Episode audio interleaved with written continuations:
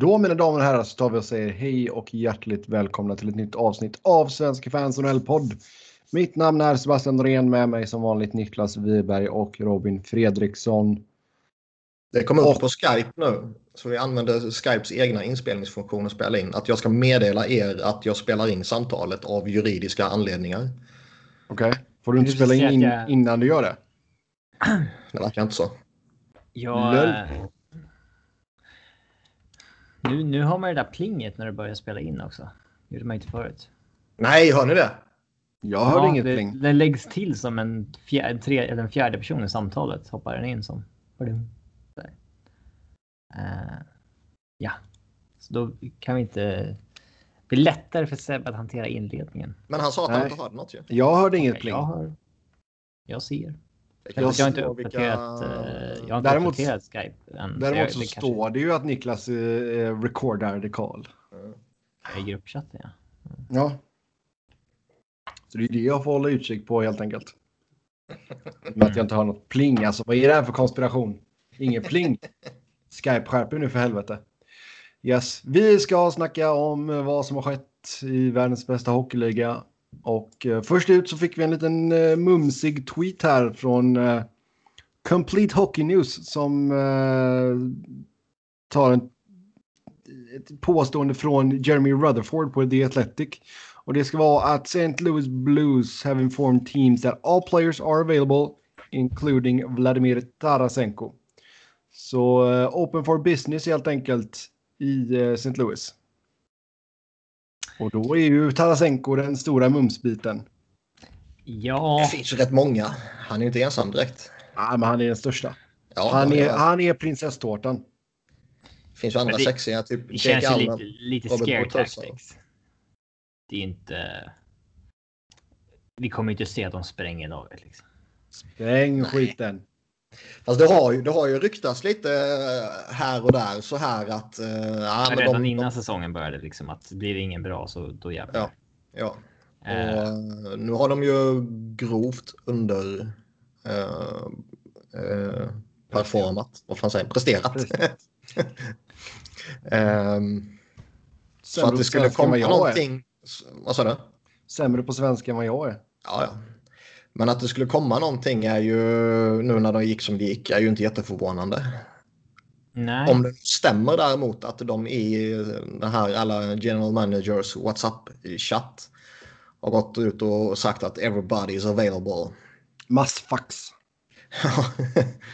Eh, det är ju ändå anmärkningsvärt. Mm. Och säger han det så ligger det nog mycket bakom det. Ja.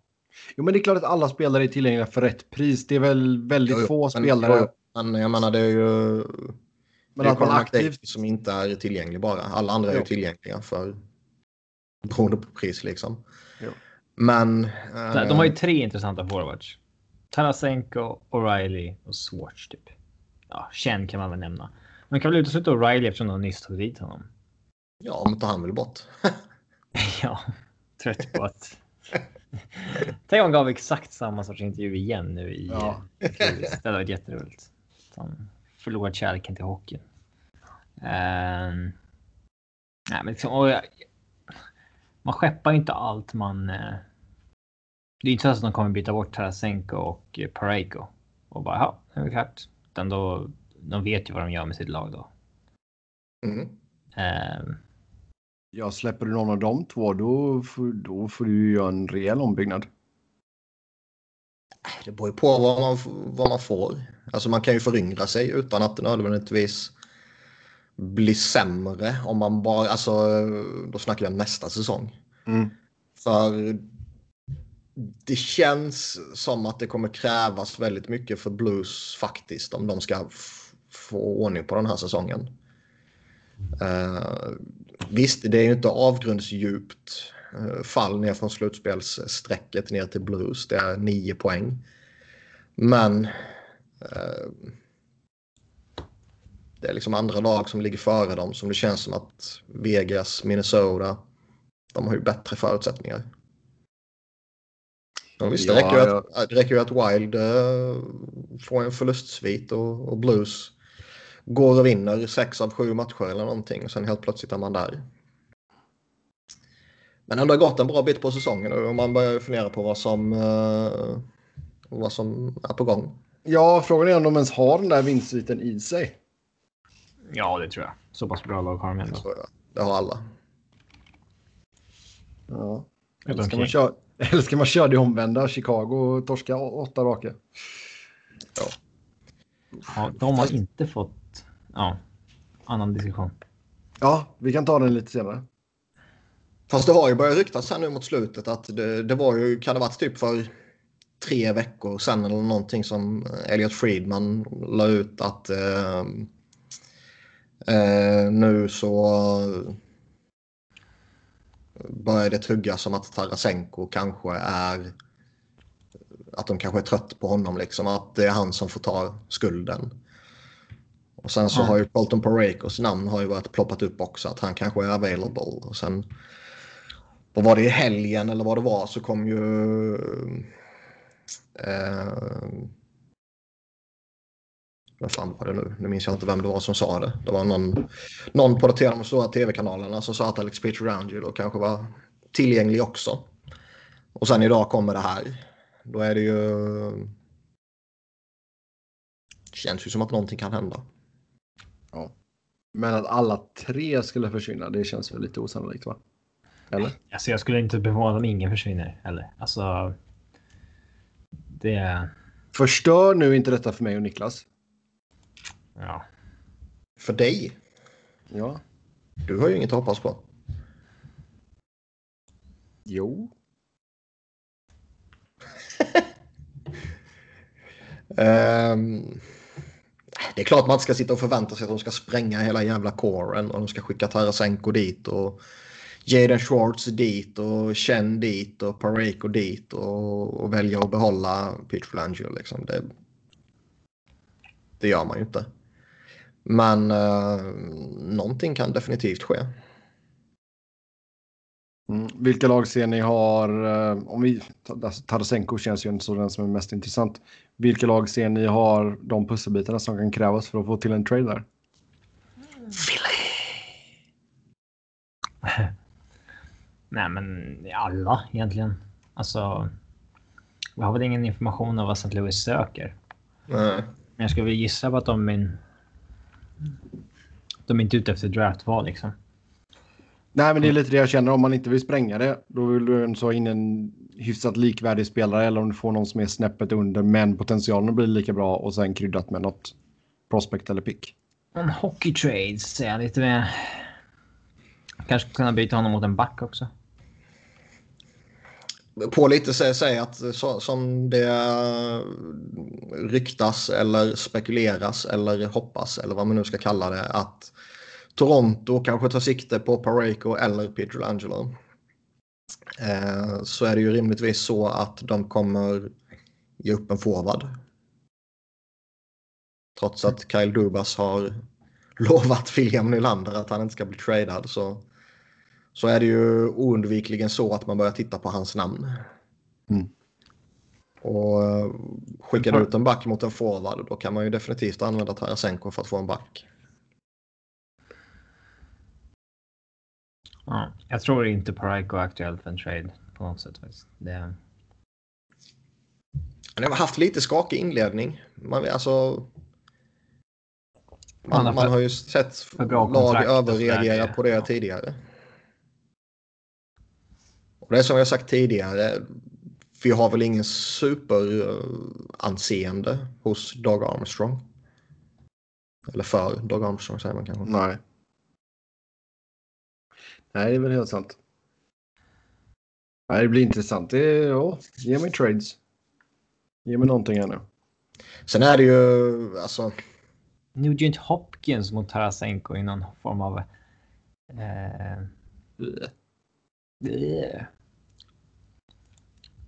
Ja, då får, tycker jag att Edmonton behöver krydda ganska rejält. Rejält? Det var... Nej, men jag menar Tarasenko är ju... Jag förstår inte snacket som går att det är liksom han som är problemet i Blues. Eller snacket som går. Nu, nu målar jag upp det som att alla pratar om det, så är det ju inte. Men man läser lite här och där och liksom Friedman rapporterar att han hör det. Då finns det ju på riktigt så att säga. Sen vem det är och hur många det är, det är väl en helt annan fråga givetvis. Men... Eh, är de avundsjuka på honom? Det påminner väl lite om när Kessel fick skulden för mycket i eh, Toronto. Liksom. Ja, lite så. Men ändå, alltså, slår man ut det.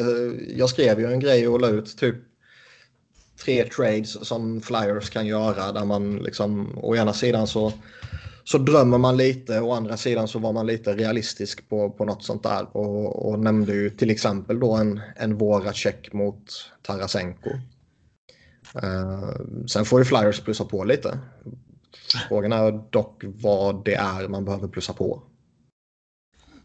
Det måste ju vara någon form av eh, det kan inte vara som på när man spelar tv-spel, liksom, att man lägger in ett andra rundsval så det är klart sen. Liksom. Det måste ju vara något som, eh, inte bara något som höjer totalvärdet, utan det ska vara en extra pusselbit som hjälper hockeyföreningen så att säga idag. Nej, exakt. Typ en, eh, inte fan vet jag, Vladko Gudas eller någonting. Alltså mm. någon ändå användbar spelare som har någorlunda anseende. Um... Nej, exakt. Men liksom Tarasenko är ändå vad var det, från 14-15 fram till ja, när jag skrev den här för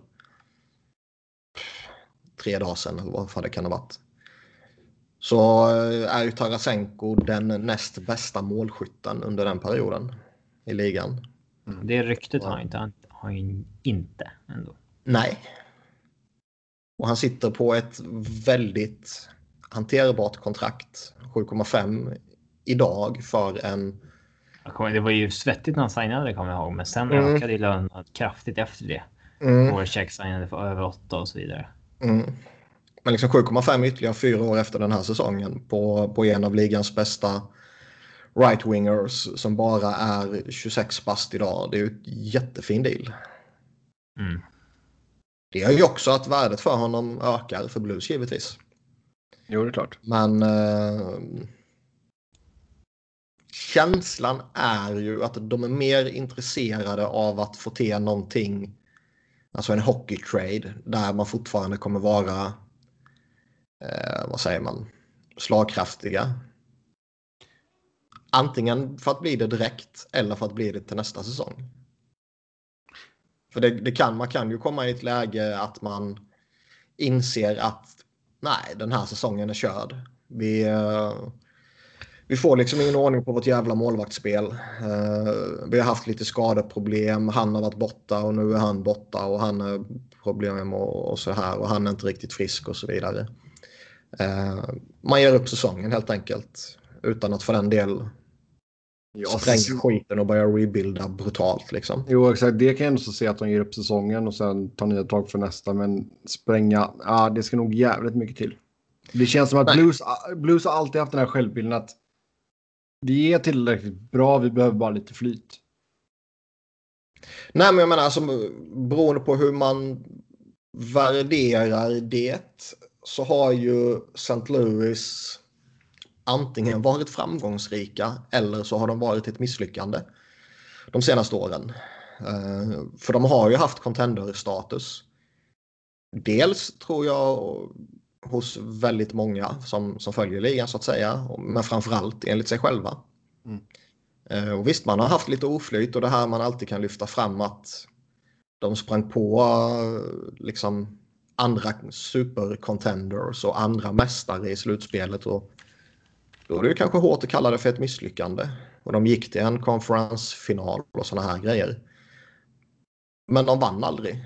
Och då beroende på hur hård man är så kan man ju peka ut det som ett misslyckande och då kanske de anser att nej, vi försökte med den här coren som vi har på plats nu och, och det lyckades inte. Nu, nu ska vi skaka om den coren och då är det kanske någon av Tarasenko eller de två backarna där som, som är liksom deras core.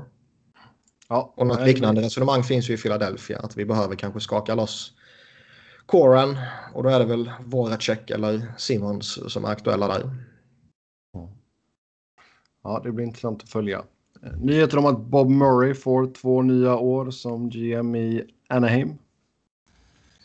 Har ju redan varit där i, vad är det, tio år? Ja, Ja, han har väl med som varit förvånande. på Eh, Boston tredje längst nu också. Ja, det är väl inte så förvånande liksom att man rullar på så att säga. Eh, Det börjar ju tuggas lite om att han vill föryngra laget. Mm, ja, det, de har några gamlingar där. Så det är inte så Ja, konstigt. och det känns ju inte riktigt som att han liksom... Det är raka motsatsen till vad han har gjort tidigare. Eller raka motsatsen är det väl inte. Men, men ehm, det har ju varit ett lag som eh, har förlitat sig på veteraner i form av Getzlaff och Kessler och Perry och sådär. Och han har plockat in lite UFA-veteraner både under sommaren och, och trade deadline och, och hela den biten. Eh, så det skulle bli intressant att se om han väljer att försöka backa undan från veteranerna. Jo, men känns det inte som att vi har gått mer och mer? Det känns som att till och med den mest inbitna GMen börjar fatta att det är speed som gäller i dagens NHL. ja, det, det, är, det är inte alla 34-åringar som är eh, liksom speedsters. Jag skulle säga att det är ganska få 34 få- 34-åringar. Ja. Eh, och visst, alltså, jag tycker fortfarande Getzlaff håller hög klass, men han är 33 nu. Kessler, sargad kropp, 34 bast. Corey Perry. Ja, han är Corey Perry. Han är både dålig och gammal nu. se han ut när han kommer tillbaks. från Ja. skadan. Men eh, Kan vara en blessing in disguise. Alltså jag har ju svårt att se att Corey Perry kommer att leva upp till sitt kontrakt de två sista säsongerna. här nu. Han har ju en, Nej, två säsonger kvar. vara, jag men menar en, år. Men, En, eh, en skada är väl inte positivt så sett, men det kan ju faktiskt ge vissa positiva effekter så tillvida att man, man äntligen får, får stänga av och bygga om igen så att säga. Alltså det, sen det beror väl lite på vad du har för typ av skada Jo. också. Jag kommer inte ihåg exakt vad det är han har. Det var väl knät här för mig. Ja, den är ju inte bra. Det är ju alltid oroväckande så, men ibland skadar man och kommer tillbaka som om ingenting har hänt och ibland får man jätte-F-hängsna problem. Alltså överlag är Anaheim mycket skador den här säsongen. Eh, Man plockade upp Chad Johnson via waivers nu. Han har ju... eh, Miller blev borta i en och en halv månad eller vad det var. Ja, Och han har ju varit jättebra. sista dödsryck här nu. 38 år gammal. Ja, typ. Men han har ju varit genuint bra på riktigt så. Mm. Och Det har även Gibson varit. ja, jo absolut. Men det kanske man mer eh, förväntar sig. Så det känns ju som att ja, nu försvann han här. Vi, eh, alltså, även om Anaheim tabellmässigt, om man säger så, går bra. De är topp tre i Pacific och sådär. Så deras offensiv är ju skithusel. De har ju typ, ja, häromdagen var den i alla fall näst sämst i ligan om man tittar på antalet mål per match. Ja. Det kan givetvis ha förändrats på några nätter, men eh, det har ju ryktats mycket om att de vill bättra på den också.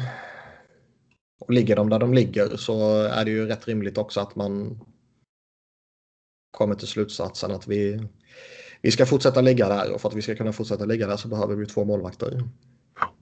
Absolut. Men om man. Johnson är ju inte, det är inte så att han är sure bet på att gå in och göra succé. Nej, men han är ju mer beprövat kort än Jared Corot. Jo, Så jag kan, jag kan köpa att man plockar upp honom på waivers. Liksom. Det, är, det Ja. är inte hela världen. man kommer Men- sätta honom där också sen när eh, Miller är frisk igen. Ja. Men om vi tittar på det just det att man vill förfina det, offensiven lite. Alltså kan du ens... Känner ni att det är att man kommer ge upp något pick? Eller kommer man att flytta på någon depthback? Eller... På vad man ska gå efter. Alltså ska man gå efter en bottom six-spelare så behöver du ju inte ge upp något jättesexigt. Ska du gå efter en, en väldigt framträdande målskytt så behöver du ju upp något jävligt bra. Jag drömmer ju själv om att man ska vifta med Wayne Simmons framför Murray och kunna locka till sig en Josh Manson till exempel. Som jag tror vore den perfekta partnern för Provorov till exempel. Men det är ju... Det känns ju inte som att de är så desperata heller. Men man tror ju också att börjar de leta efter en riktigt bra forward, alltså någon som ja, en 30-målsskytt eller däromkring. Ja. Då borde ju lagen fråga efter en Manson eller en Montour eller kanske till och med en Lindholm. Beroende på vem det är. Jo, exakt. Och nu är Rakell borta också. Så är deras bästa målskytt väck. Sen är frågan också då nu kan Fowler han kommer att vara borta fram till januari verkar det som. Och är man redo att släppa, säg bara för diskussionens skull att man släpper Josh Manson mot en forward. Uh, är man redo att göra det innan han är tillbaka? Tveksamt. Att köra en Alltså, månad det är- det är ju en liten gamble, alltså. Och, och det de har där, det är ju gamla. Ja. Å andra sidan så har de ju klarat det hittills med, med, med en utarmad backbesättning så att säga. Men det är ju för att de, de har ju ridit jävligt bra på John Gibson. Ja, där har han ju, han har ju fått göra alldeles för mycket. Det har de ju sagt också, liksom, att de, de har fått lita för mycket på dem. Jag inte, alltså, jag, hade de haft lite hade de haft lite fler poäng till godo ner till de jagande lagen så hade jag nog sagt ja, men det är ju alldeles för tajt Lite så. faktiskt. Så eh, också intressant att följa. Det är, men det har varit kul med lite trades i alla fall. Sen går det rykten om en försäljning av Arizona och relocation till Houston. Eh, efter att man slog fast att Coyotes skulle flytta till Central Division så eh, blev det ju nytt snack då om att det kanske blir relocation. Ja, eh, ska man köpa den organisationen så kan man ju inte ha någon som helst vilja att behålla den i Arizona. Nej, det är ju... Beror ju helt på vem det är. Om det är, så att det är någon lokal Arizona-miljardär som köper den. Så, Ja, och då är ju han dum i huvudet. Men alltså det finns ju inget underlag för att ha ett lag. Alltså, Nej, det har ju bevisat sig gång på gång på gång. det går alltså... Ekvationen går inte runt och nu är inte bara intresserad av att göra det för välgörenhetsskäl. Eh, Exakt, då är det en lokal snubbe som Sebbe säger och då är ju han korkad. ja, eh, Men ska man köpa det då måste man ju flytta. Sen är ju... Jag kan ingenting om Houston mer än att eh, Houston, we have a problem citatet. Men eh, de Alltså, det är- har väl lite andra stora idrottslag. Det kan det, är jag säga fjärde, bättre. det är fjärde största stan i USA sett till befolkning. Ja. ja, en av de värsta städerna att köra i. Ja, det har jag aldrig gjort. Men vad, vad har de? Då har de eh, alla andra stora. De har basket vet jag väl. De har Rockets i basket, Ja. de har Texans i NFL. Uh, har de något baseballlag? Det vet jag inte. Så Phoenix är den femte största stan i USA. Femte största metropolen, ja.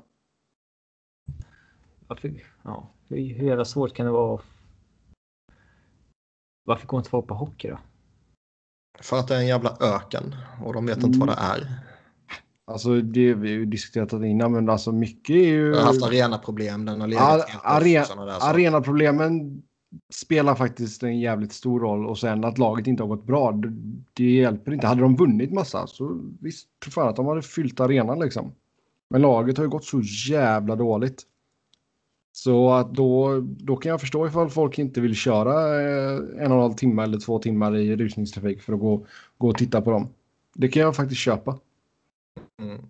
Och det finns, och grejen är att där har du ju en så du kan välja att gå på andra grejer också. Det är inte så att Winnipeg, vad fan finns det att göra i Winnipeg förutom att kolla på Jets? Men alltså man kan Eh. inte, man kan inte komma tillbaka till det. Nej, men det, alltså det, det är ju uppenbart att det inte är en fungerande hockeymarknad.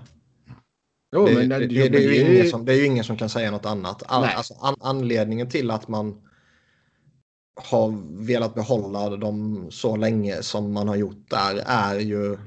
För att man nyss flyttade dit egentligen. Ja, för att man tämligen nyligen flyttade dit och för att det känns som att det är en principfråga. Mm.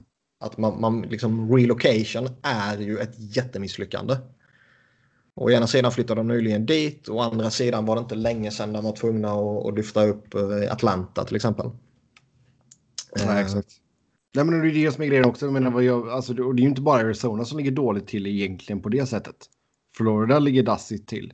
Carolina har legat dassigt till. Jag tror Carolina, nu när laget går bättre, då tror jag det kommer komma mer folk. Det handlar mycket om hur bra laget går också. De fick ju en ny ägare också. Och då, Mm. då känns det som att då, då är det ju safe en liten stund i alla fall. Ja. Ja, Mm. Man kan inte skrika relocation till varje lag som går dåligt och har lite folk liksom. Nej. Nej, men det är ju Eh. det som är grejen också. Och bara för att det då är... För mycket skit har kastats på Florida också. Men bara då för att man är i en sån liksom solig del, delstat eller vad fan man ska kalla det. Vi har en som är ute liksom i Florida, sol och bad, Arizona, öken. Det, mycket är bara ren jävla avundsjuka också. Det är liksom folk sitter och gnäller uppe i Quebec. Och Varför har inte vi något lag? Varför? Därför att det funkade inte när det var där. För, ja, det var väl inte... Så det, jag, kan, jag kan absolut köpa ryktena och, och som Niklas säger, kommer det in en ny majoritetsägare så visst, varför ska man välja att ha kvar laget i Arizona? Nej, det finns inte. Organisationen måste bort från Arizona. Om, om den ska... eh, Om den ska ta fart så att säga så måste den bort. Det- tror, det- tror jag. Sen är det, inte säkert att... Det ska ju liksom... Det är liksom en... Ja, det är så jäkla... Man vill ju inte ha relocations egentligen. Det är så jäkla... Nej, nej. Är, Jag håller med dig. Det är ju ett jät- det jättemisslyckande. är det som är, sa. lite- det är en sån grej som är skamligt med amerikansk idrott. Liksom, att, man kan, att man gör så. Liksom. Men man har ju svårt att se något annat i Arizonas fall om kommer in en ny ägartyp där. Alltså, Ja, och om jag, det funkar i Houston eller inte. Eller om Quebec är det bättre alternativet. Eller Kansas City som det har pratats om. Eller eh, allt annat sådär. Men det känns ju... De måste ju vara i Western ju. Och ska man då vara, inkluderas i Central så känns ju Houston som ett, ett väldigt lämpligt alternativ om man bara pratar geografi. Jo, exakt. Men sen vet jag inte vad det är, liksom, vad är det som säger att Houston kommer att vara en bättre hockeystad. Nej, det är väl ingenting som säger det. Men eh, det känns ju som en omöjlighet att det kommer att vara en sämre hockeystad i alla fall. Jag menar, har de arena där? Alltså typ basketarenan. Alltså det är ju, basket, det är ju, det är ju basketägaren som vill, som vill ha ett lag liksom. Så Ja, han skulle säkert, han han skulle säkert lösa det på något vänster. Ja. Så, men, och sen vet jag inte helt säkert ifall Barroway... Jag tror att han fortfarande vill vara majoritetsägare. Jag tror att Den han... nuvarande tittar- eller? Ja, exakt. Utan att han bara söker investerare liksom. Ehm, Alltså fan, man, man är ju riktigt genomblåst om man investerar pengar där. Alltså. Organisationen funkar ju inte. Den, den går ju åt helvete hela tiden och. Eh, Alltså du skulle ju fortfarande De- kunna investera för skulle beslutet komma att du säljer så skulle du fortfarande tjäna pengar. jo, men alltså då måste du ju veta att det kommer säljas och. Jag vet inte. Jag vet inte, det hade varit kul att se dem få gå bra på isen, få en ärlig chans, få en ny eh, arena som ligger mer centralt eller ute i eh, östra delen av metropolen. Fick ju, det kom ju, det har jag glömt att inkludera i körschemat, det borde jag ha gjort. Men det kom ju nu Forbes-rapport. Ja, just det. Googla NHL Forbes bara så får ni upp den. Mm. Och det är ju... Arizona är ju det största skitlaget som finns i ligan. Om man bara tittar på värde. Det är 290 miljoner. Det är liksom sämst. Snittet är 630. Florida 295, eh, Columbus 320, Buffalo 375, Winnipeg 415 och allt sånt där. Så man ligger ju långt nere där. Eh, och man ser liksom Vegas, de går in och de pröjsar 500 miljoner. Och Seattle, vad var det? 650 var det va? Ja. Eh, och sen är det, det jävla skitlaget värt 290. Och Carolina köptes väl för 500 har jag för mig. Fördelat på lite olika sådär. Men det är ju ändå... Ja, nej. De torskar ju pengar liksom. Det finns ingen... De får ju, de får ju pengar av ligan för att kunna hålla igång verksamheten. Och det är ju pågått så länge så jag ser verkligen inte hur man kan fortsätta där. Mm. Topp 10. Det är, det är två lag som har förlorat i värde över ett år då så att säga. 3% tappade både Florida och Arizona. Snittet i ligan är plus 7 Störst ökning hade Caps, vilket kanske inte är förvånande med tanke på att de vann. Men 16 Ja, 16 Vegas 15% plus. Minnesota plus 11. Devils plus 14. Tampa 14. Carolina plus 14. Så. Detroit plus Anna, 11. Anaheim, Pittsburgh. Eh, plus minus noll. Mm. Topp 10 har vi Washington 725, Vancouver 735, Detroit 775, Flyers 800, Kings 810, Bruins 925, sen en miljard på Blackhawks, 1,3 på Canadiens, 1,45 på Maple Leafs och 1,55 miljarder på New York Rangers.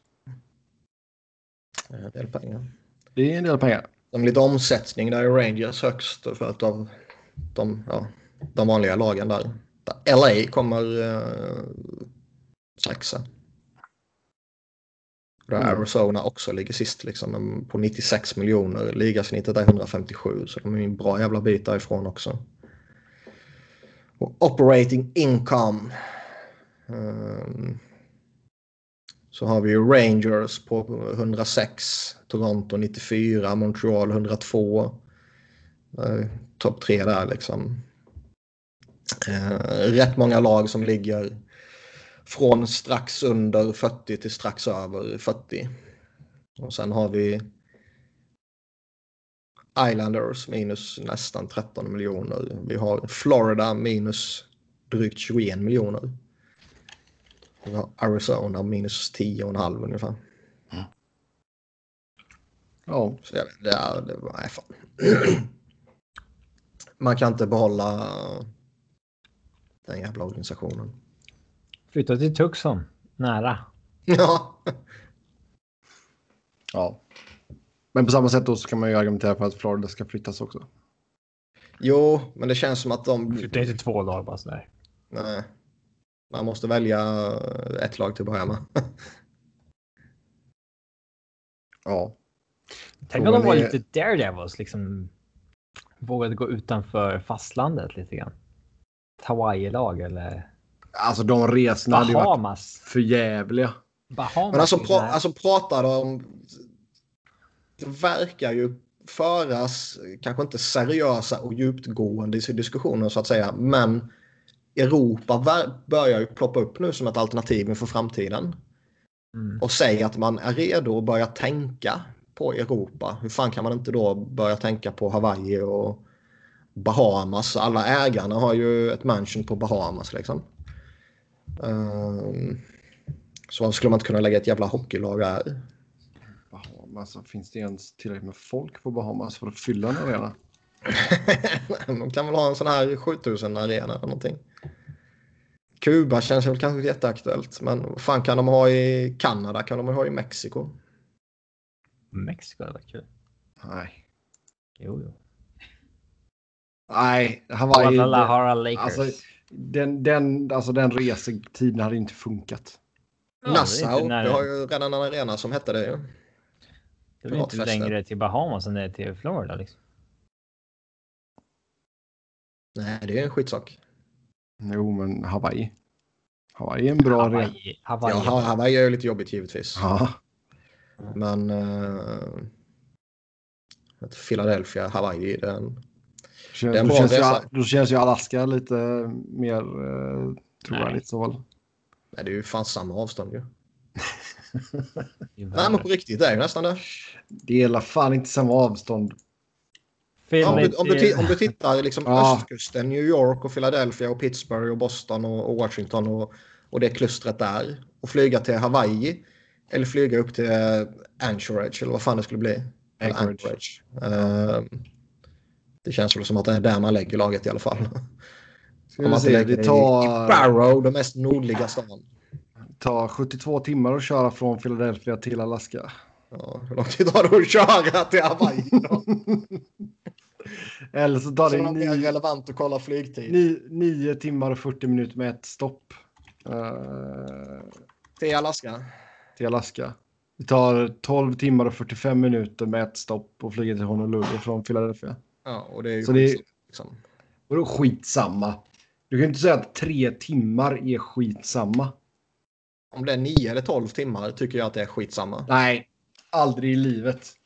Jo, för det är ändå en hel Ja, dag eller en hel Ja, natt. men då har inte du, då har nio inte du varit ute och flugit tillräckligt mycket helt enkelt. jo, det har jag. Lille, lille pöjk. Låt mig eh, berätta här nu. Mm. Och du har fel. Jag har rätt och du har fel. Det är mycket billigare att flyga till Anchorage kan jag säga också. Billigare? Ja, det kan jag tänka mig. 686 dollar kostar det att flyga från Philadelphia till Anchorage. Det, ja. Eller så kan man då köra i 72 timmar. Ja. Bussresa. Bussresa från eh, Philly Stö. till Alaska. Jävlar vad stökigt. Ja. Ja, nu har vi helt tappat spåret här. Eh, men eh, vi tar väl och plockar upp den här. Carolina letar offensiv hjälp. Vi har redan snackat om Anaheim, så nu blir det Carolina. Och Carolina. Hur långt norrut i Kanada kan man lägga? Det alltså, grejen är att Kanada, det känns som att 90% av befolkningen bor ju nära gränsen liksom. Jo, jo. Men jag Inuvik till exempel som ligger långt upp på helvete där mot Alaska. Kanske de bara har 200 invånare så det kanske inte är så jätteaktuellt. Men liksom hur, hur... Det finns ju några sådana där ändå som är lite... Som ligger en bit upp och som ändå är lite, vad säger man? Hockeyfesten. Som man har hört genom åren och som där det finns lite och ja, sådana grejer. Alltså du skulle säkert kunna ta något eh, ställe där de har eh, liksom ett riktigt bra intresse för eh, juniorhockeyn och de skulle vara jätteglada att få ett NHL. Vad heter det? Um, eh, Bobby Clark kom ifrån Flinflon. Ligger inte det väldigt högt upp? Flinflon? Ja, Vad fan heter det? Jag vet inte. Nu måste jag kolla det. Jag Fan. gillar att det finns något ställe som heter Happy Valley Goose Bay. Ja, det är perfekt. Happy Valley Goose Bay uh, Seaman. Ja. Flinflon, Manitoba, Kanada. Ja, Manitoba. Okej, ja. Nej, de har det där Winnipeg. Det räcker. Ja, Ja, där har vi Flinflon, ja. Det är ju rätt högt upp har jag för mig. Mm. Nej, alltså kanske om du skulle kunna lägga ett lag i typ Regina eller Saskatoon. Ja, de känns ju så, men de är ju också, alltså det är också fan på eh, USA-gränsen. Jo, jo. Men Man som kommer, sagt, eh, man kommer en bit längre upp där. men jag tror, där bor ju inget folk. Det är ju det som är problemet. Nej, men det gör det inte. Det bor hur många som helst i Arizona och de kommer inte att titta. Lägg dem i Yellowknife eller någonting uppe vid Great Slave Lake. Det heter det. Ja, jag, jag, jag tittar på kartan här nu. Eh, så får vi ju lite lite coolhetsfaktor i alla fall. Ja. Lägg ett lag på Grönland istället. Ja, eller liksom Victoria Island. Och då menar jag inte den utanför Vancouver utan den som ligger uppe inne i Kanada. King William Island och de här där eh, Nordvästpassagen går i hela det här. Cornwallis Island, Resolute. Det är ju nästan Nordpolen. Snart är vi uppe på Island. Ja. Svalbard. Mm.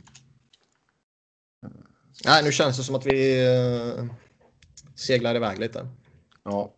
Ja, det står 90% av eh, Canadians live within 100 miles. Så 16 mil of the US border. Ungefär lika många svenskar som bor på östkusten eller ja, från Göteborg och neråt på västkusten. Så.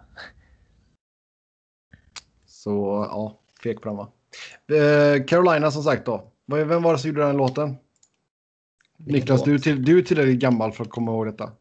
Ja, vilken låt. Och Carolina. Du, du. Eh, ska vi se. Jag vet inte, du får sjunga lite mer. Nej. Uh, tydligen så finns det någon country-sång som heter Carolina. Den skiter jag i. Uh, Country är nice. det var typ någon typ, reg typ reggae-pop eller någonting. Uh, är inte mina grejer. Nej, men Shaggy var det ju för fan. Ja, ja, det är inte min grej. Men eh, det är väl klart att de behöver offensiv hjälp. Det har ju rapporterats väldigt mycket att de ska ha varit väldigt heta på William Nylander till exempel. Och de har ju definitivt en back de kan avvara. Men samtidigt så känns det som att man har lite spelare i pipelinen som skulle kunna kliva upp. Till exempel Martin Nekas. Ja, men inte om du ska få en omedelbar boost. De har ju, alltså, de har ju bra unga spelare som redan är uppe. Alltså en Svesjnikov som han kommer givetvis bli jättebra. De har en Nekas som är som jag är väldigt förtjust i. Julian Garfier. De har, eh, vad fan händer med Alexis Sarela till exempel. Han känns ju lite, lite inte förbrukad men lite eh, han Det försvunnit bör- liksom Ja, exakt, det borde hända någonting här. borde kanske hända någonting om det ska hända någonting. Ja. Och de har ytterligare någon prospect sådär som, som är på gång. Så visst, absolut. Men ska de ha omedelbar boost så kan de ju inte bara lyfta upp Martin Neckars. Och eh, Nej, det är ju inte en garanterad succé, det är det ju inte. nej, och sen gillar jag honom och sådär. Jag, jag skulle inte ha något emot dem att spela honom i NHL. Men de behöver ju ersätta Jeff Skinner som ligans tolfte bästa målskytt eller vad det var när han skickades iväg och Ja, vad är det för spelare som ligger runt där? som ligger runt vad då? Ja, runt där 12 till typ 18. Ja, vi kan väl titta. Vi går tillbaka tre säsonger. Jag tog från 15, 16 och fram Ja. till nu. Då gör vi det. Och så tar vi goals. Och så var Tarasenko bäst och Alexander Sten tvåa höll jag på att säga. Men så märkte jag att jag har ju bara blues markerat. Ja, det är inte helt rätt. Det var lite fel. Ja. Eh, Då har vi vi mål. eh, Ovechkin, Skin- Crosby, Kane, Kucherov, Tarasenko, Marchand, Tavares, Ben, Malkin, Skinner. Han var tia där. Det kanske var ett år mer jag gick tillbaka. Jag vet inte. Ja. Pavelski, Seguin, Pasternak, Cam Atkinson. Lite surprise. Forsberg, McDavid, Monahan, uh, Scheifele och Patrik Laine och sen Anders Lee på plats 20. Ja. Det är de som gjort 100 baljor. Och liksom hur många av dem är aktuella att få? Det är ju typ Cam Atkinson kanske man kan få loss. Ja, kanske. Anders Lee kan- kanske man kan få loss. Jag tror inte det. Ja, betalar man tillräckligt mycket alltså. Mm. Men du kommer inte få någon av de andra. Okej. Ja, Då får du gå ner ett snäpp till ju.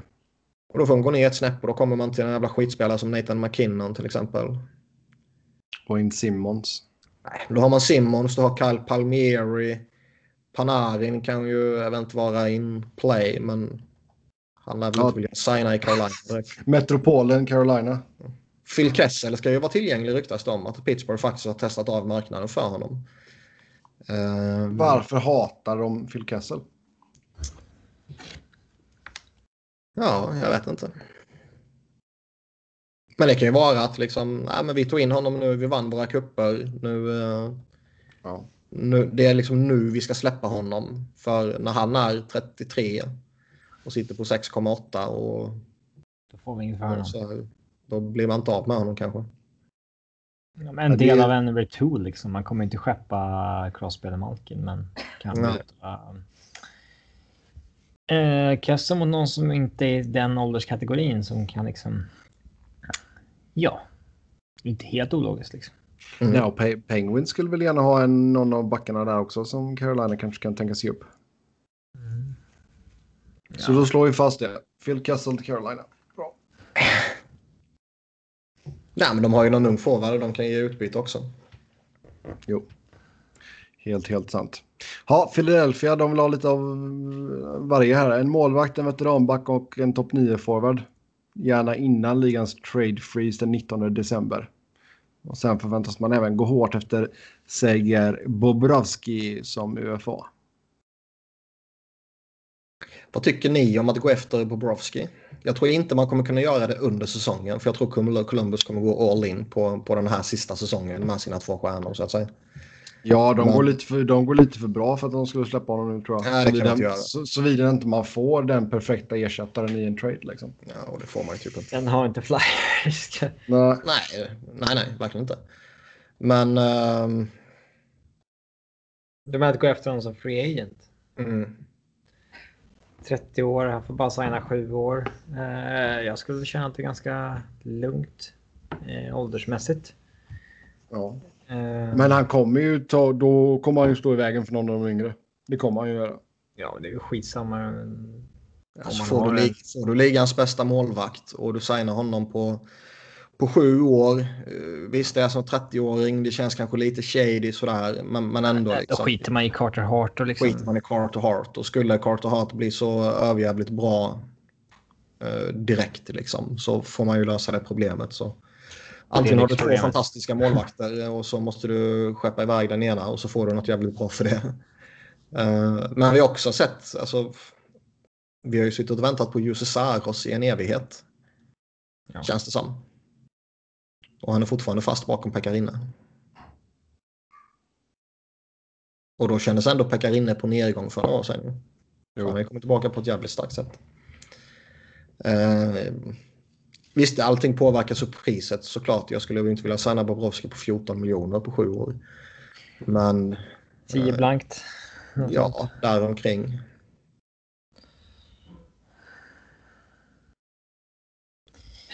Alltså... Ska man göra någonting under säsongen så tror jag att då är det ju liksom en ja, det är Talbot eller någonting. Alltså det, finns ingen anledning att göra något kortsiktigt. På alltså, alltså det kortsiktiga man kan göra det är ju att man behöver rimligtvis en, eh, ett komplement till Brian Elliott. För Brian Elliott när han spelar är bra. Problemet är ju att han, eh, han kommer från två omfattande operationer och behöver uppbackning på ett sätt som ingen annan i Flyers kan erbjuda honom. Mm. Så man måste ha i princip ett A och ett B situation. Och ska man ha det då behöver man ju trada något kortsiktigt. Men då känner jag också att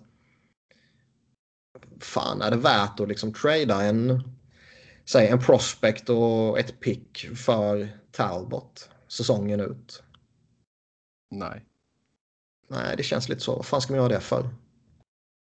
Då är det bättre att liksom... Du har Brian Elliott, hoppas han kommer tillbaka och sen får du ju liksom testa Stålarts och, och Lion på riktigt och du kanske till och med kan testa Carter Hart och så se, vet du var du står och sen till sommaren så om du tror att du har mm, möjligheter att få Bob så, så satsar du på det. Ja. Jo, det är helt sant. Däremot veteranback och topp 9-forward känns ju som att det bör man väl kunna lösa hyfsat smärtfritt. Ja, det kan man ju lösa. Man har ju en uppsjö av prospects där man eh, egentligen kan, kan och bör skicka vilken prospect som helst förutom typ Morgan Frost om man inte nu har någon om man nu inte kan få liksom en superspelare utbyte. Då ger man ju upp vilken prospect som helst såklart. Mm. Så får man se det. Det är ju många som förväntar sig att någonting kommer ske inom kort. Och det är inte så att de kommer göra alla tre traderna garanterat innan, innan jul här nu. Men uh, det sägs ju att han uh, under sin första vecka nu ska ha pratat uh, alltså genuint då så att säga med hälften av, av lagen i ligan. Ja. Men alltså om vi tittar just på Wayne Simmons också. Jag menar, där skulle du väl kunna få in en veteranback och en topp 9-forward för honom? Eller? Det beror på vad, alltså veteranback är ju... Det känns ju lite som ett skällsord. Uh, för det, det som, när man säger veteranback så klingar det ju en 34-åring som har hängt med. Ja. Eh, Och det behöver du inte alls vara. Du kan ju vara 27 och veteranback. Oh ja. Och, och, och fortfarande någonstans vara eh, i din prime på något sätt. Eh, så det kan vara en sån veteran man letar efter också såklart. Men visst, Simon ska ju ge någonting. Sen är ju då frågan. Vill man släppa honom överhuvudtaget? Jag skulle ju göra det. Av de anledningarna som vi har nämnt eh, flera gånger tidigare. En, en gammal powerforward som inte ser bra ut. Eh, Sen är han uppskattad på många sätt. Han är en viktig ledartyp och hela det här köret. Men det är ju exakt de fällorna som, Många andra Ja. lag har gått i. ja, men som LA gick i med Dustin Brown. Sen visst, han kom tillbaka starkt förra säsongen. Men ändå liksom. Det är den fällan som Edmonton gick i med Milan Lucic och Islanders med Andrew Ladd och så här. Alltså tänk dig om Kings hade Flyers med suttit på Scott både... Jag menar, om Kings hade suttit på både Dustin Brown och Lucic. Uff. Ja, Fina grejer. När vi kommenterade eh, bra eller dåliga trades då eh, fick vi en intressant kommentar på Twitter. Eller som jag hade glömt men som man... Det var väl inte dålig av någon egentligen men Devon Dubnik studsade omkring bland typ tre lag för ingenting på ett halvårs tid innan han landade i Minnesota. Mm. Han Ja, var ju alltså både han- i Nashville och i eh, eh, Montreal och eh, Arizona. Arizona. Jo, det var ju... Om man får en third rounder tror jag det var. Ja, exakt. Jo, han hittade ju sitt spel igen i Arizona. Det ju- gjorde han skitbra. Sen så sålde de honom alldeles för billigt. Ja, Jag skulle de ha Men det- skeppat eh, Mike Smith. Mm. Men, men. men nå- någonting kommer ju förmodligen hända med Flyers inom kort. Och det är lite gött och det kittlar lite i magen sådär. Mm. Är spekula- rykten om Flyers igen också. Att, eh, Spe spekulationer om att Toronto vill ha en power forward och då att Simmons heter namnet tillsammans med Michael Furland. Det går ju lite olika rykten där. Det säger ju att management, det vill säga Kyle Dubas, han vill ha en högerfattad back. Vilket ju typ alla, Alla vill ha. Ja. ett behov också. Men sen känns det som att ja, men om, om liksom coachstaben får bestämma så vill de ha en powerforward. Vilket innebär att Babcock vill ha en powerforward. Saknar kameran av Martin. Ja, lite så. Eh, och det kommer bli en väldigt, väldigt intressant situation om det är så att Kyle Dubas och Mike Babcock inte är överens om hur man ska ta det här laget framåt. Kyle Dubas är liksom det här nya uh, hypade stjärnskottet på uppgång som redan har gjort eh, bra grejer och så här. Och, liksom, fan, ska han ta striden med Mike Babcock? Det är ju det är typ den sista coachen du vill ta striden med i ligan. Det var en intressant situation. Så det hoppas man lite på. Minnesota sägs shoppa Charlie Coyle. Boston, Montreal och Ottawa ska vara intresserade av honom. Det gick ju rykten i somras också. Att eh, Coyle, Niederreiter och kan vara ett Sucker. Mm, jag tror det var Sucker. Att eh, de kunde tänka sig att släppa någon av dem för att ja, skapa sig lite löneutrymme och kanske eh, ibland vill man ju göra en trade för tradandets skull och så här. Och, eh, ingenting hände. Och eh, nu kommer, kommer hans namn upp igen. Och jag kan tänka mig att han är rätt attraktiv ändå. Han kostar bara 3,2 miljoner över nästa säsong också. Han är 26 år. Kan spela center, kan spela vinge. Högerskytt. Högerskytt. Inte varit extremt framträdande eh, denna säsongen. Eh, svårt att säga något om förra säsongen. Det var lite skadeproblem och sådär. Men de två föregående när han spelade 82 matcher så var han ju ändå, gjorde han 21 mål och 18 mål. Och det är ju... Säg att han är en 20-målsskytt för, den- för den summan. Det är en okej spelare. Det är ju klart godkänt. Mm. Men jag har svårt att värdera honom i alltså kostnad för en trade. Ja. Det, ja. Jag vet inte riktigt vad Minnesota skulle vara ute efter där heller. Nej, vi kan ju fråga vår Minnesota-expert. Mm. Minnesota älskar den. Robin? I en trade? Ja.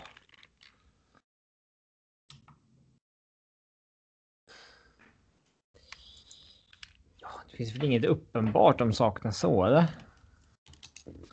En OK backsida. Eh, Nej, jag, jag, tror det kanske mer handlar i så fall om att man, man vill göra någonting. Kommer vi inte ha råd att signa om eh, honom kanske? Eh. Mm.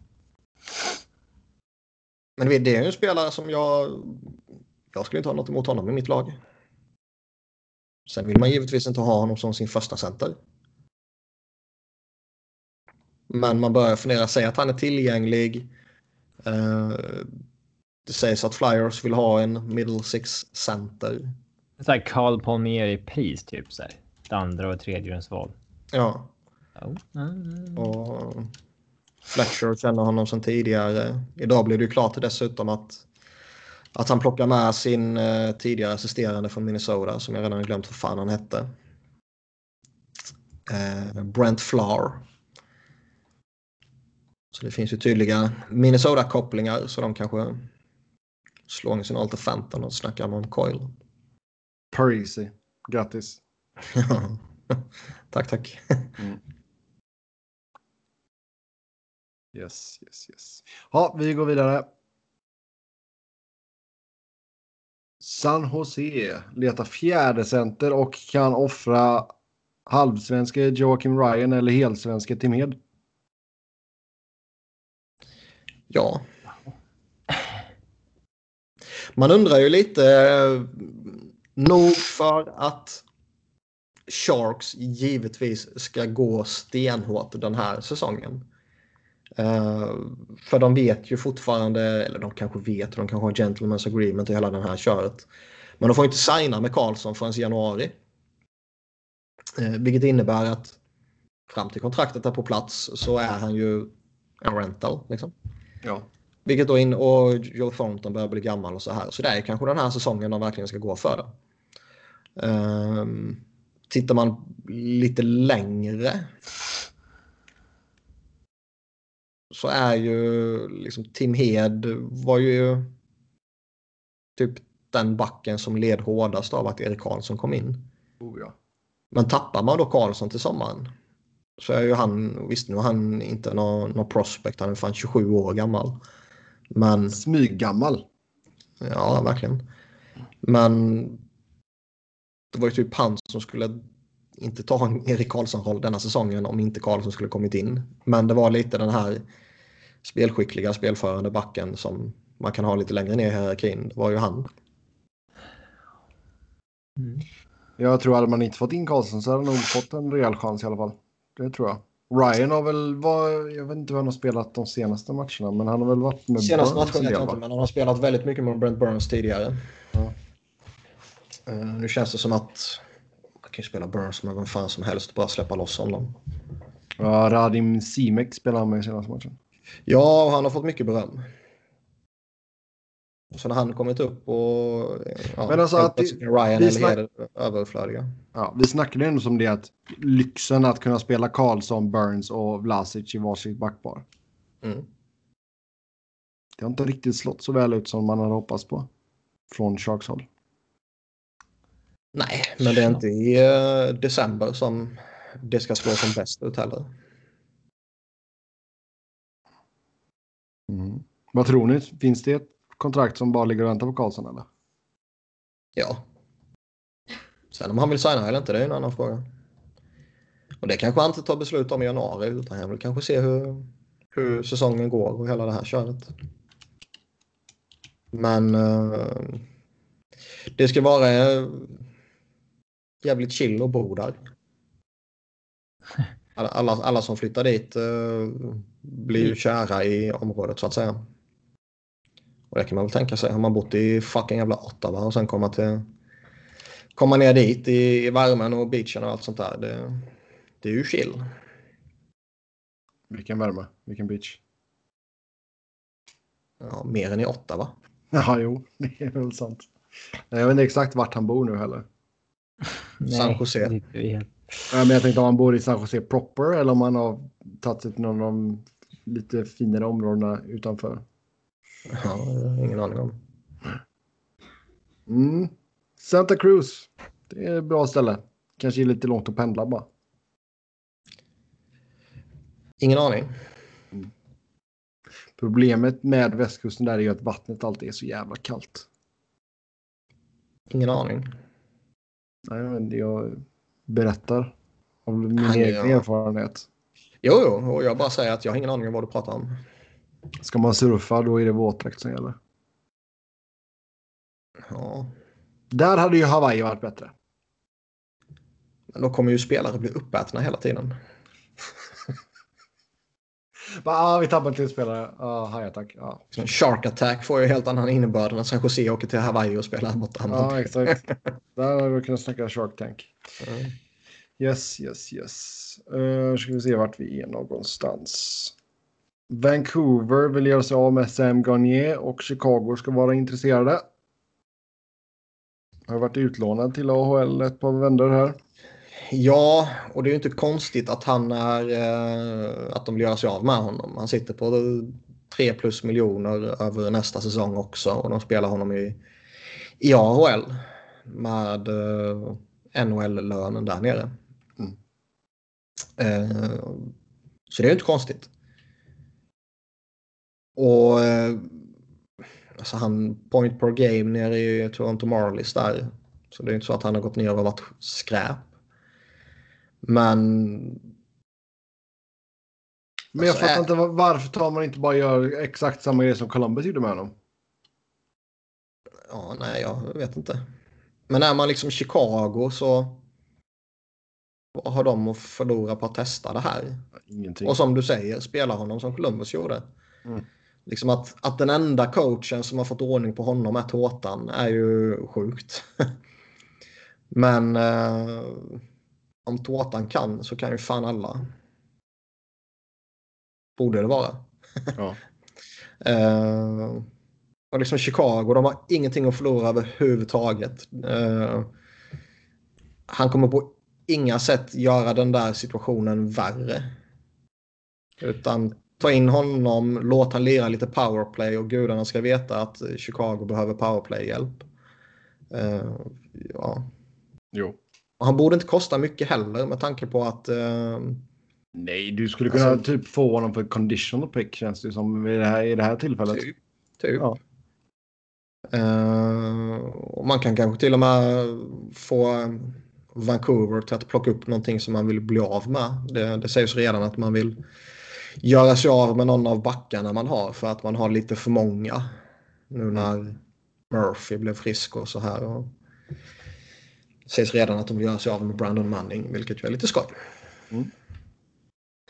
Nej, men det borde ju kunna gå att lösa, det tror jag. Och sen kan man ju lira honom i PP istället för Hayden eller Kamp. Liksom. Ja, Det är väl inga problem så sett. Så, mm. Nej, konstigt att han inte... eh, Jag förstår inte varför Vancouver tog sig till honom när man ens visste liksom att det är det här han är bra på. Det är så här, man tittar på Columbus, om han gjorde det bra där i den här rollen. Då bör vi göra samma sak. Men det, är men. nästan, det är nästan som man kan tro det är en inkompetent organisation. Ja. Eh, Jag vet inte. Eh, Det ryktas mer och mer om att lag överväger att lägga offer sheets på Austin Matthews och Patrik Laine. Ja du, skulle det vara så att tillfället kommer och du kan göra det, då är det ju tjänstefel ifall du inte lägger ett offer sheet på de här spelarna. Ja, men vi ser ju det ske varje år. Och det är ingen som gör det. Så jag, varför skulle det ändras nu egentligen? Alltså skillnaden som det känns nu, jag håller ju med dig, men skillnaden som det känns nu är ju att det känns som att Med det Supreme Talent. Alltså, Ja, det är Mm. med Supreme Talent. då, Men, men det känns liksom ändå som att det, nu är är det mer rykten än spekulationer. Tidigare känns det som att folk har liksom att ja, men man skulle kunna göra så här. Och nu, nu känns det som att de säger att ja, insiders. Och nu, nu känns det som att liksom de säger att ja, men det här är eh, folk överväger det här. Sen är det ju intressant. Paul Holmgren har ju sagt att hans jobb som GM blev ju så mycket svårare runt om i ligan efter att han signade Shea Webber till hans offersheet. Mm. Eh, och det är ju fortfarande här att man ser ju ner på folk som använder sig av offersheet trots att det står klart och tydligt i regelboken. Och Har man sådana problem med det får man ju ta bort det från regelboken i så fall. Jo, exakt. Men eh, det känns som att det är liksom... Fan, det kanske är lite mer realistiskt denna sommaren. Om Alltså, det- på- Det känns ju verkligen som att när det är två sådana exceptionella spelare som Matthews och Line, att du då får ge upp fyra stycken första rundsval. Det är lugnt. Det är ju värt det.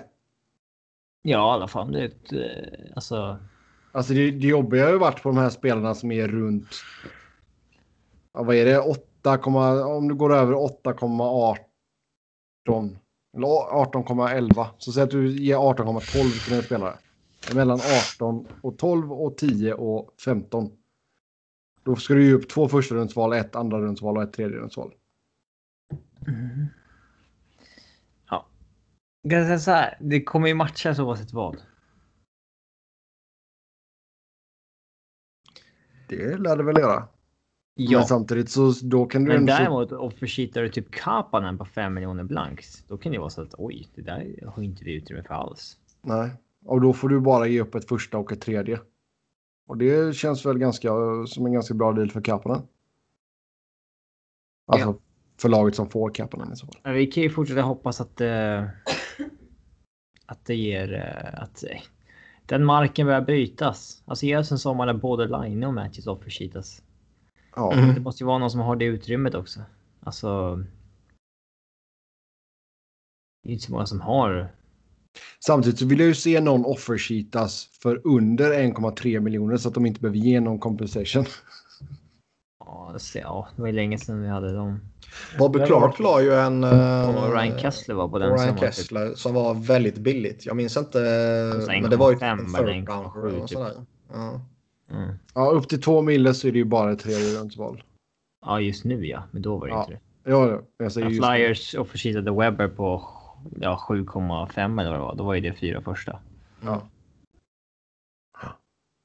Ja, så är det över 10,15 miljoner i capita så eh, då är det fyra första rundsval som gäller. Ja, och ska man få Toronto till att... Eh, jag menar, ta Flyers och, Webber. När de satte ihop det kontraktet så var det ju... Om man bara såg med hänsyn för att Nashville skulle få så svårt som möjligt att, att matcha så var ju det det perfekta kontraktet. Sjukt top heavy. De behövde skaka fram typ flera cash. tiotals miljoner bara de Mm. första åren och du vet en stor signing bonus samma sommar. Ja. Ja, han skulle ju få Men, fjol- men typ 14 miljoner i sign bonus direkt. ja, Och sen så mindre än ett år senare ska vara det nästa sign bonus som skulle in på typ 14 miljoner igen. Så det var ju Ja. i princip 30 miljoner dollar som skulle betalas ut till Webber på mindre än ett år. ja.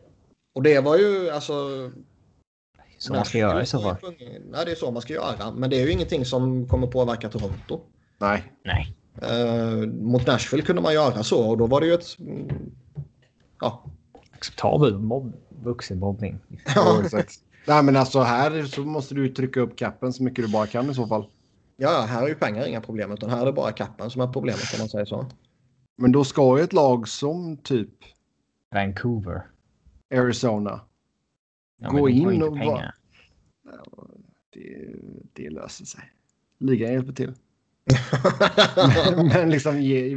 Ligan stöttar Arizona i en Ja. kamp mot Toronto. Det lär ju ske. Ja. Nej, men släng upp så här 14 mille i cap hit liksom, eller 15. Men offersheet kompatibla lag, då måste väl ändå Vancouver stå ganska högt upp.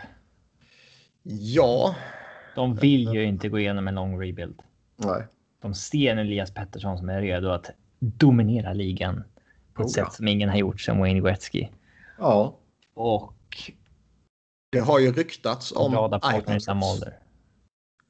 att eh, Uncle Lou vill fucka upp Toronto. Nej, men på riktigt, det har ju ryktats om det. Att han ska vara irriterad på dem. Han är skit. Vad sa du? Nej, jag sa ingenting. Men eh, Nej, men jag menar, men liksom vad fan skulle Matthews signa Islanders för? Uh, Nej, det, plus det, det, att de, sak, de, saknar ju vissa av sina egna draftval. Om, om man nu inte ska gå på de här fyra första rundor som de har. Utan man ska involvera andra runda, tredje runda och sånt här så saknar de dem ju. Ja, då kan man inte göra det.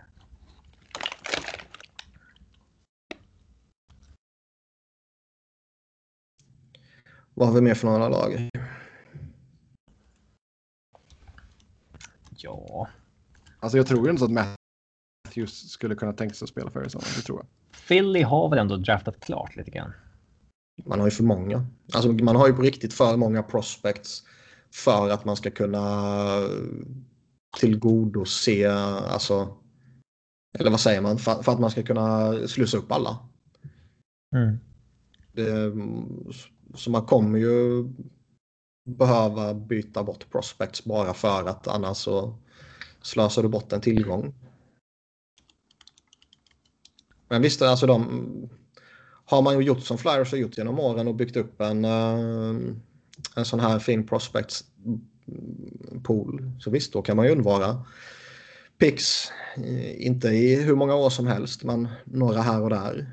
Eh, jag är väl inte helt såld på att jag vill lägga upp fyra första val.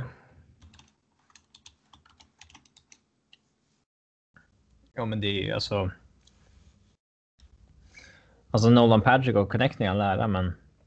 Det är en skillnad om man fick in en Matthews i samma ålder. Ja, ja, för helvete. Som ja, ja, ja. kunde bära nästa generation liksom. Jo, givetvis. Men det känns ju som att i Matthews fall så tror jag det måste vara absurda summor för att... Eller eh, i Marners fall måste det vara absurda summor för att eh, Toronto inte ska matcha. Men i Matthews fall så kommer de förmodligen matcha allting. Ja, alltså. 13 mille skulle de ju matcha. Och alltså.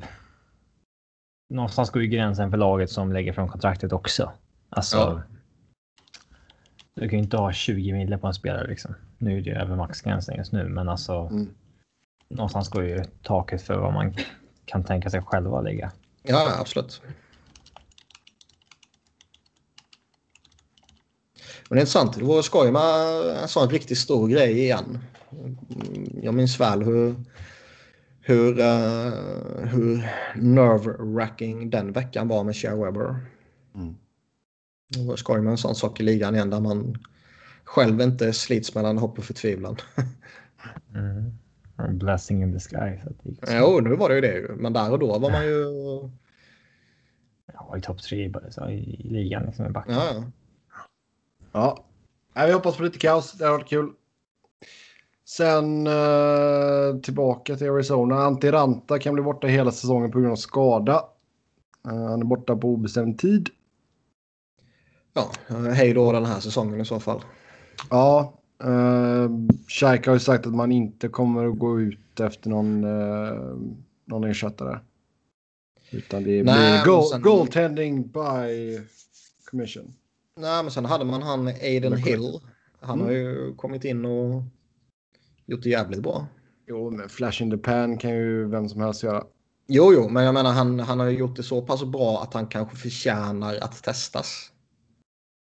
Ja, det är ju... Jag alltså, menar inte att man ska en- committa hela sin framtid till honom och skicka den åt helvete. Det är inte så jag säger. Och jag säger inte att han är den nya Dominik Hasek, men ehm, jag tycker ju faktiskt att har man kommit in och man har fått den inledningen som han har fått, då förtjänar man ju att testas när den andra målvakten blir skadad. Jo. Annars är det liksom, annars är det ju meningslöst att spela bra hockey om det inte leder en till någonting. Ja, ja, herregud. Sen Darcy Kemper har precis kommit tillbaka från skada. Eh, Men visst, jag hade väl också ridit på, på Hill här nu. Det... För jag menar, gå, gå efter någon i det här läget? Nej. Nej, alltså man kanske behöver göra det om två veckor om det visar sig att Hill han dansade lite fint i en vecka och sen totalkraschade han och Darcy Kemper är ju Kemper liksom. Jo, man behöver gå efter någon, men Ja, men sen har ju Picardo inte stått någon match än. nej, men vad fan, han var ju pissusel i Flyers. Det, det finns ändå en hygglig målvakt där i honom. Alltså det Men, känns eh, mellan de tre så borde de väl kunna hålla sig flytande i alla fall. Det känns inte som att målvaktsspelet är det stora problemet här just nu. Ja, men det kommer ju krävas ett väldigt bra målspel för att de ska kunna vara med och leka. Mm. Och det finns det. Okej, nu kan vi döda blues-hypen. Jaha. Jeremy Rutherford har svarat på den här tweeten att Armstrong is listening to anything. To my knowledge, the Blues have not called teams or informed teams that everyone is available. But some clubs are under the impression that Army would consider trading anyone, including Tarasenko. Ska vi spela Jag, om... jag, jag klipper bort första halvtimmen. Ja, jag tänkte säga det. Ska vi, ska vi ta om det första här då, eller? Ja, det är ju tråkigt. Ja, ja. Det är sånt som händer. Eh, vi går vidare. Vad tycker vi om Niklas Kronvalls tackling? Ful. Eh, Ful men laglig. eh, Jag vet inte om den är laglig. Alltså, han tar ju fart Vad, underifrån och eh, hoppar upp och smäller han i huvudet. Hoppa inte upp, det är det som är grejen. Nej, inte hoppar, men liksom tar, tar kraft underifrån uppåt om man säger så. Mm. Alltså Lee tittar ju puck så det står härliga till i den här sekvensen. Det är inte så konstigt för den håller på att studsa runt lite. Ja, men man ska komma ihåg att det är inte olagligt att kolla puck. Nej. Ja, Men det, det, det, det, ja, jo, jo, det har varit extremt mycket hat. Det är, alltså, bara för att det gäller Kronwall så vaknade hela svenska hockeymaffian till liv igen. Som liksom har inte kommenterat NHL på fem år. Och det var ju alltså. eh, alltså. Jag tycker att det kommer vara svårt att behålla tacklingar inom hockey om vi aldrig ska acceptera att eh, det kommer träffa skallen en gång utan att det är någons fel. För alltså. Lee åker rakt fram, Kronwall åker liksom sidledes in och bromsar liksom framför honom. Men om man- Eh, Ja. Om man tittar på den här situationen Mm. så finns det ju, för, som jag ser det, så finns det inga sätt som han kan gå in och sätta en tackling där utan att proppa huvudet. nej. Alltså, Med tanke på vad Lee gör för någonting. Med Ja. tanke på hur han, och visst, man kan alltid involvera den här diskussionen att du har ett ansvar att, eh, att själv ha koll på din omgivning och sådana där saker. Um, åker man bara och tittar puck så ja, då får man kanske någonstans räkna med att få en smäll. jo, men grejen är att Men- han tittar ju på puck här för att försöka få kontroll på den. Ja, och jag tycker liksom att om det enda sättet du kan tackla en spelare på är genom att träffa huvudet på honom, då får du låta bli att tackla. Ja. Givetvis.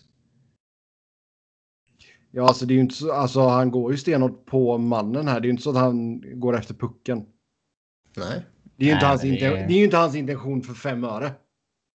Hans klubba är ju inte det ens... det Nej, måste det är det väl inte när, alltid när man ska tacklas heller. Nej, nej, Alltså, absolut det inte. är ju svårt att tackla en samtidigt som du med klubban petar till pucken. Liksom.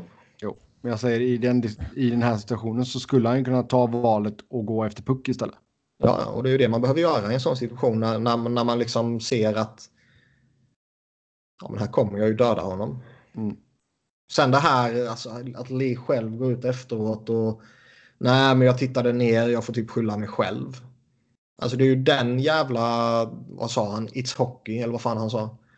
Det är ju den jävla mentaliteten som gör att vi kommer fortsätta ha problem med våld mot huvudet. Mm.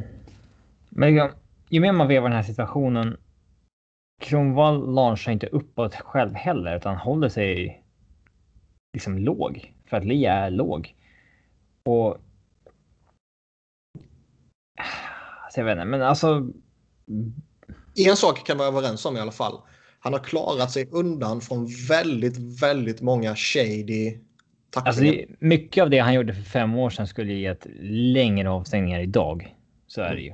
Eh, 100 procent. Tacklingen på Voracek till exempel när Voracek liksom ligger och sprattlar som en baby och inte vet vad han heter. Den, den, eh, den hade han ju fått tio matcher för idag. Bara för hur Mm. Voracek liksom ser ut efteråt. Eh, men så här. Är på väg in i zonen längs sargen och tittar ner för att få kontroll på pucken. Alltså alla backar har ju fått lära sig i, i är att här går man på kroppen och stoppar honom från att komma in i zonen och andra backen går och tar pucken. Liksom. Det, det är så man lär sig, alltså det är så man spelar försvarsspel. Liksom. Och, alltså, blir en sån här tackling förbjuden då. eller blir en avstängning för den här tacklingen. Då, eh, alltså då, vi får ju nästan börja prata om att liksom stoppa open ice hits helt och hållet. Liksom, eller någonting. För det, det kommer inte gå att inte träffa huvudet på något sätt i sådana här situationer. Nej, den här situationen kan man ju inte tackla utan att träffa huvudet. Vilket innebär att då får man låta bli att tackla och pokechecka eller eh, stänga ytan eller vad fan man ska säga. Liksom. Men exakt hur regeln är skriven idag, om det är liksom om huruvida head contact är avoidable så ska man avoid it eller om det liksom är OK att det tar i huvudet först om det inte finns något annat sätt att komma åt spelaren. Alltså jag, jag vet inte. Men det blir intressant att se. Jag är glad jag inte sitter på besluten här. Det... Jag skulle kunna ta besluten. Mm. Sedan eh, när vi är så inne på tacklingar så Ryan Reeves och hans uh, tackling på Tom Wilson. Ja. Uh, jag ska säga att jag är ett sånt. Det var, samma, det var natten efter vi spelade in förra avsnittet. Mm. Uh, så vi missade precis förra avsnittet. Men jag skulle säga jag är sånt jävla rövhål så jag, sitter, jag satt ju och njöt. Mm. Okej. Okay. Ja, jag, jag, tycker inte den är, den är inte okej för fem öre. Nej, det sa jag inte att det var. Jag sa att det, jag satt och Det är visst att jag kan, jag kan förstå att, man, att det är många som säger ja, Carmen's a bitch liksom. Absolut. Mm. Grejen, grejen är att jag kan, om Ryan Reeves skulle gjort så här på... Um, Bäckström. Ja, Bäckström skiter jag i och för sig Men, men fair, fair enough liksom. Bäckström, han, han gör väldigt sällan några fula grejer så liksom. Eller en Vrana eller typ vad har vi mer? Burakovsky eller liksom jag vet, en bra pojk sådär.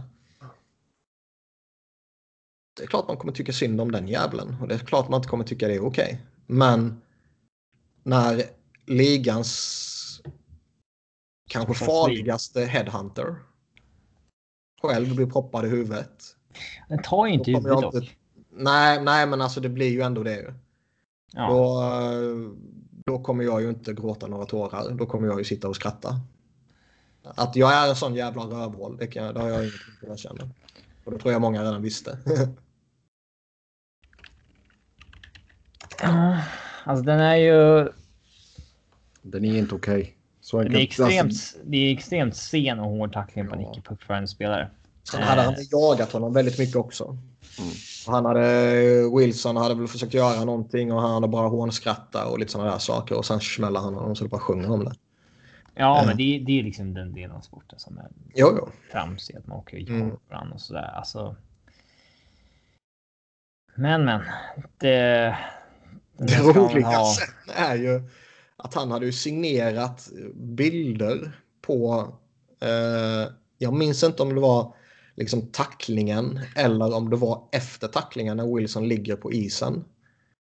Eh, hade han ju signerat typ idolkort på det som mm. de hade eh, lagt ut till försäljning någonstans och sen hade ju folk uppmärksammat det här och så hade de ju plockat bort dem. Typ. Det är ju inte heller okej. Okay. Och det är givetvis förkastligt, men jag satt givetvis och skrattade åt det. Beställ det. ja, jag hann tyvärr inte. Ra, rama in det. Annars skulle jag fan köpt det och hängt på väggen. Mm. Nej, men som sagt, jag kan, jag kan absolut köpa att folk inte har några sympatier för Tom Wilson. Det är, jag menar, alla som lyssnar på den här podden vet att vi tycker att han är den fulaste spelaren i hela världen. Mm. Mer eller mindre. Men det som Reeves gör är fortfarande inte okej. Okay. Jag har inte sagt det okej. Okay han ska väl ha sitt straff. Mm. Han ska ha ett straff och det, den är inte okej okay, och det, det, sa jag inte liksom. Det är inte så att, jag... det är inte så att Reeves är mycket bättre heller. Nej, nej, han är ju också en idiot. Men äh, jag, jag njöt jävligt hårt. Och det kommer folk förmodligen hata mig för. Men... Nej. Ingen som står på Tom Wilsons sida i det här fallet. Sebbe gör det Ja, men Ryan Reeves kommer få sitt straff. Och... Eh, jag står inte på Wilsons sida så mycket som att jag står för att det som Reeves gör är fel. Det ska vara jävligt klart. Men alltså grejen är att det här är ju en del i att ligan inte tar sånt här på allvar. Mm. För jag tror ju på fullaste allvar att om man har en fungerande disciplinär eh, verksamhet om man säger så. Och Tom Wilson faktiskt straffas för skiten han gör. Och framförallt inte att hans, eh, när man väl markerar så hävs hans eh, avstängning liksom. Nej, där kan man ta ligans parti att när de väl försöker stänga av honom ordentligt då. eh, Jo. Då går spelarfacket in och liksom. Mm.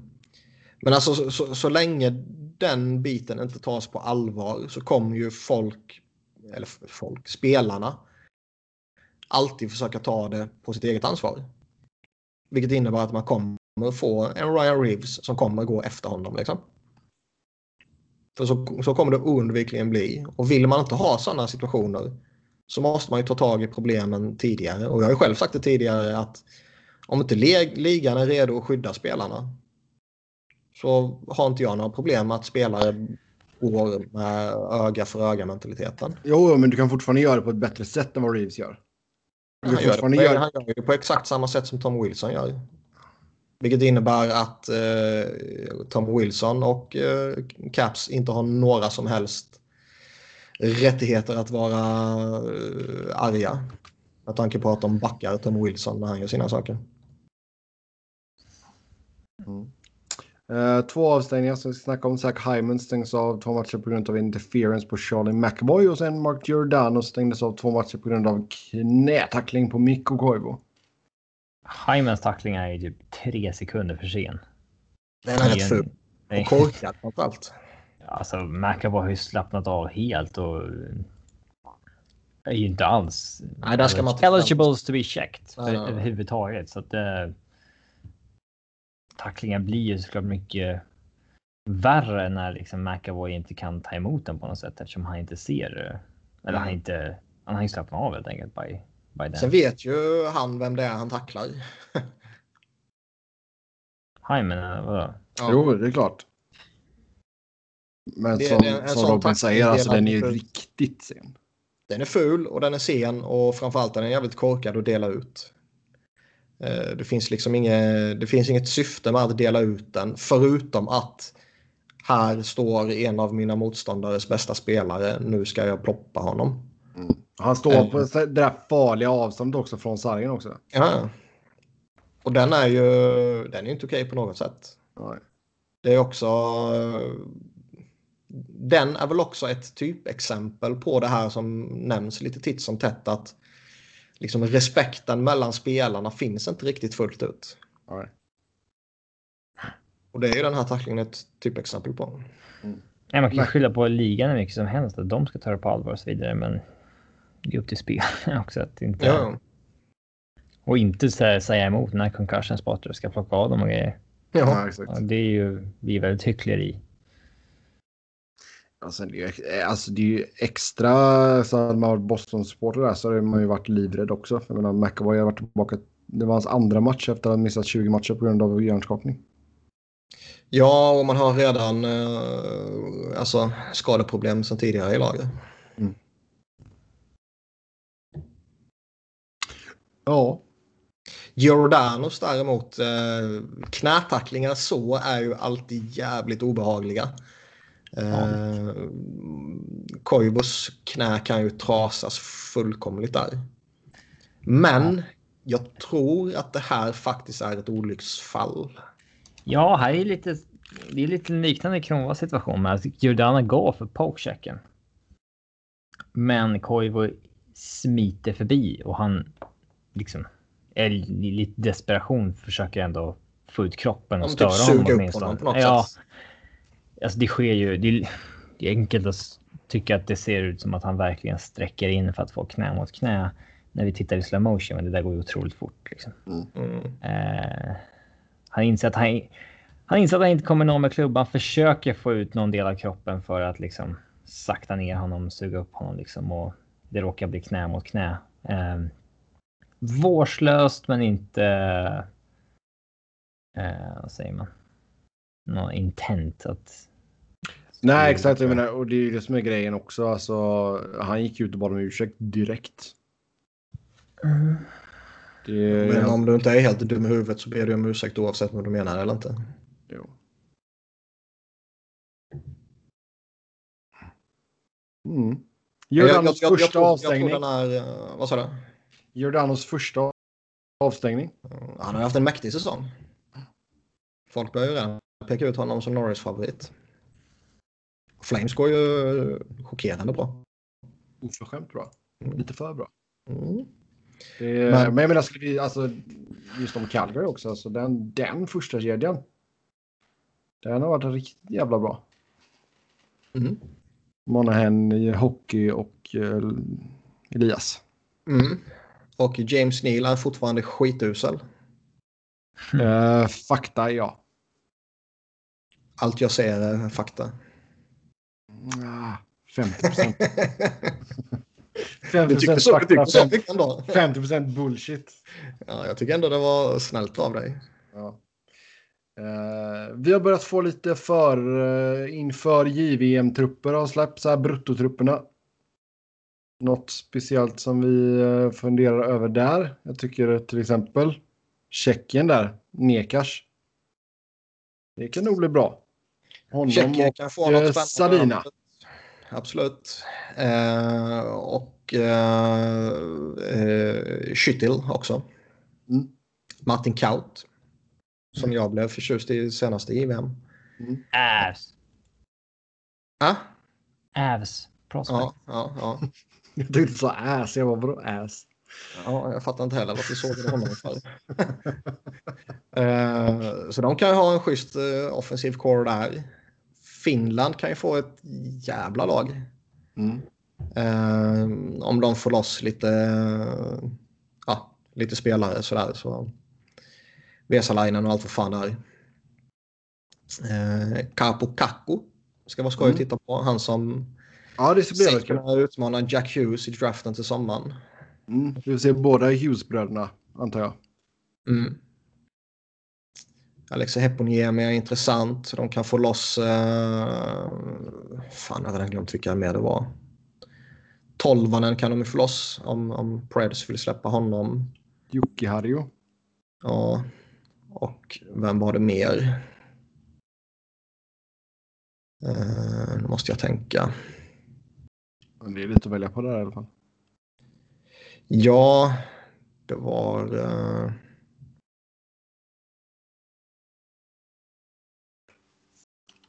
Ja, alltså det är ju de här som är i NHL också. Heiskanen och Jocke Harju och Kotka. Ja. Men det känns ju... Alltså jag, ty- jag tycker Jocke Harjo kanske. Honka är väl med fortfarande också. Eviga junioren. Ja. Sen har väl Kanada har väl som vanligt ett intressant lag. Eh, Mm, fick ju loss Velarde här nu från Kings. ja. Det tror jag kan göra honom gott. Mm. Eh, Bättre att får komma in och vinna lite med Kanada än att bara förlora massa matcher med Kings. Oh ja, slippa undan det jävla skitlaget. Kommer bara Ja. Men ja, ska man prata Sverige så är det ju stora frågetecken över målvaktspositionen. Det är förhållandevis stora frågetecken över forwardsbesättningen och det är eh, en väldigt fin backbesättning. Mm. Eh, Liljegren vet vi fortfarande inte om han kommer komma till spel eller inte. Försöker komma tillbaka från en skada i tid. Och det vore ju ett avbräck. Oh ja. Jag tycker han har varit jävligt bra i, i JVM. Uh, skulle ju fått en, en väldigt eh, stor nyckelroll i år. Mm. Men säg att man tappar honom, då har du ändå Brännström, Sandin och, och Bokvist som... Bränns, de ska- Brännström känns ju riktigt het. Ja, och de tre ska ju liksom kunna driva en offensiv från, från blålinjen. Mm. Eh, man har en Adam Ginning, man har en Nils Lundqvist som, som fyller ut backbesättningen på ett väldigt fint eh, sätt. Och så kallade man ju in, eh, vad fan heter han, Filip Broberg från AIK. En, en ung, väldigt spännande back också som... Väntas gå topp fem i draften i sommar. Vad sa du? Väntas gå topp fem i draften i sommar. Ja. Så det är en intressant spelare. Man fick, eh, har ju typ... Eh, nu fick de in Isak Lundeström och det är sjukt viktigt. ja, jag tänkte precis säga det. Men han är ju inte den... Eh, det är ju ingen Elias Andersson eller Elias Pettersson eller Nylander eller de där stjärnorna vi haft på slutet. Han, han är ju inte den offensiva ledaren. Vem ska vara det i detta laget då? Ja, Vem, vem tror du kommer vara det? Alltså, kan Emil Benström hålla i, i sin målproduktion från SHL så Tror inte det. kan, nej, det tror inte jag heller. Men alltså, han skulle ju kunna vinna skytteligan och då är man ju en offensiv ledare. Mm. Eh, men det är ju typ han. Lundeström kanske, men ja, Nu har ju inte Björnström spelat juniorhockey på ett tag, men alltså. Hans 12 mål på 23 matcher i Djurgården är ju typ. Enbart för att han har fått en sweet spot i PP, alltså Ovechkin line rollen och har petat in 7-8 sådana skott i Mm. öppen kasse i princip. men jag menar det räcker det är väl en styrka, men alltså det är, det är inte. det, är ju ett segervapen. Absolut, men eh, Tittar vi... alltså han är inte en allround offensiv superstar för att han har gjort 12 mål på 30, Nej, 23 nej, matcher, nej, utan det är på ett sätt han har gjort dem. Ja, ja, men eh, så får du några powerplay och så stänker han in två mål per match. Absolut. Samuel Men- Fagemo. Nej, i den här podden pratar vi inte gott om Frölunda-spelare. Man kan bara tala gott om Frölunda-spelare. Ja, då har du och jag pratat alldeles för lite med varandra. Ja. Nej, men jag vet inte. Det, det känns som att forwardsbesättningen är eh, ett stort frågetecken. Mm. Alltså jag gillar Fabian Zetterlund, men han, han har precis kommit tillbaka från en knäskada och vad kan han utreda eller uträtta? Uh, alltså det var väl till stor del var det väl annars en väntad trupp också. Det var några sådana där man reagerar över att typ Olle Lycksell, och det säger jag inte bara för att han är en Flyers prospect, men han har fått mycket beröm under säsongen. Att inte han var med var det rätt många som reagerade över. Man jag trodde ju att det var han som skulle. Att det var han som skulle servera de passningarna till Björnström i powerplay. Mm. Vem tror ni får eh, första spaden? Jag tror det är helt öppet. Och det, då är frågan, är det en, eh, en styrka eller en svaghet? För Olle Eriksson Ek är ju avstängd de första två eller tre matcherna. Efter... Eh, Medaljskandalen. exakt. Och sen tror jag det är helt öppet mellan eh, Ersson och Åman som båda två har gjort det väldigt bra nere i Allsvenskan. Mm. Och jag vet, jag vet inte, alltså. Är det bättre i en sån här kort turnering? ursäkta. Att eh, gå in med en snubbe som man vet att han är första målvakt, nu kör vi. Eller är det bättre att gå in i, i kampen som man kommer ha, ha här innan jul och, och sådär liksom. Och låta Tre dem heta två- målvakter. Typ. Ja, och, och låta de två, för det, det kommer vara Ersson eller Åman som kommer få chansen i de första matcherna av uppenbara anledningar. Ja. Ehm, Montén är väl avstängd också? Alltså nej, typ. nej, nej, Den det hävde. hävdes. Co coachernas, för både han och Jag tänkte, vem fan styr skeppet då? Liksom? ja, nej, han, hans avstängning och sen tror jag det var en av de assisterande. Eh, hävdes. Det kan ha varit två assisterande.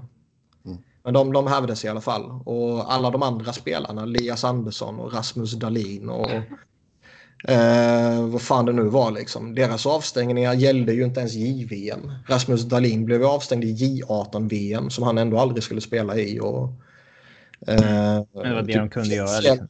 Ja, Ja. Fjällby liksom stängdes av i, eh, i ett JVM som han skulle varit för gammal för att delta i ändå. Liksom. Ehm, så den enda som drabbas av det är ju Eriksson Ek. eh, Liksom, stackars bagattmålvakten förra året. Stackars lille Olle. Ja. Eh, Men visst, man ska uppträda på ett korrekt sätt. Och jag tycker inte internationella förbundet gjorde något fel som delade ut avstängningar. Så. Problemet var det var ju typ ingen som kände till reglerna exakt. Montén var ju avstängd tre matcher då först för att han tog av sig medaljen och la den i fickan innan han hade lämnat isen, vilket man inte fick göra. Mm. Och det är så här, men vad fan. Ja, det är lite lätt. Nej, det var ju inte Elias Andersson som kastade upp den i publiken direkt. Mm. Han var lite skön också på, på presskonferensen här häromdagen när han presenterade truppen. hade han ju med sig silvermedaljen och höll upp och liksom, ja titta jag har inte kastat iväg den. Titta nu när jag smälter den framför er. Kastar den i journalistkåren. ja. Eh, ja, det är lite coolt. Om vi kollar på Kanada så har man ju... ehm, Morgan Frost.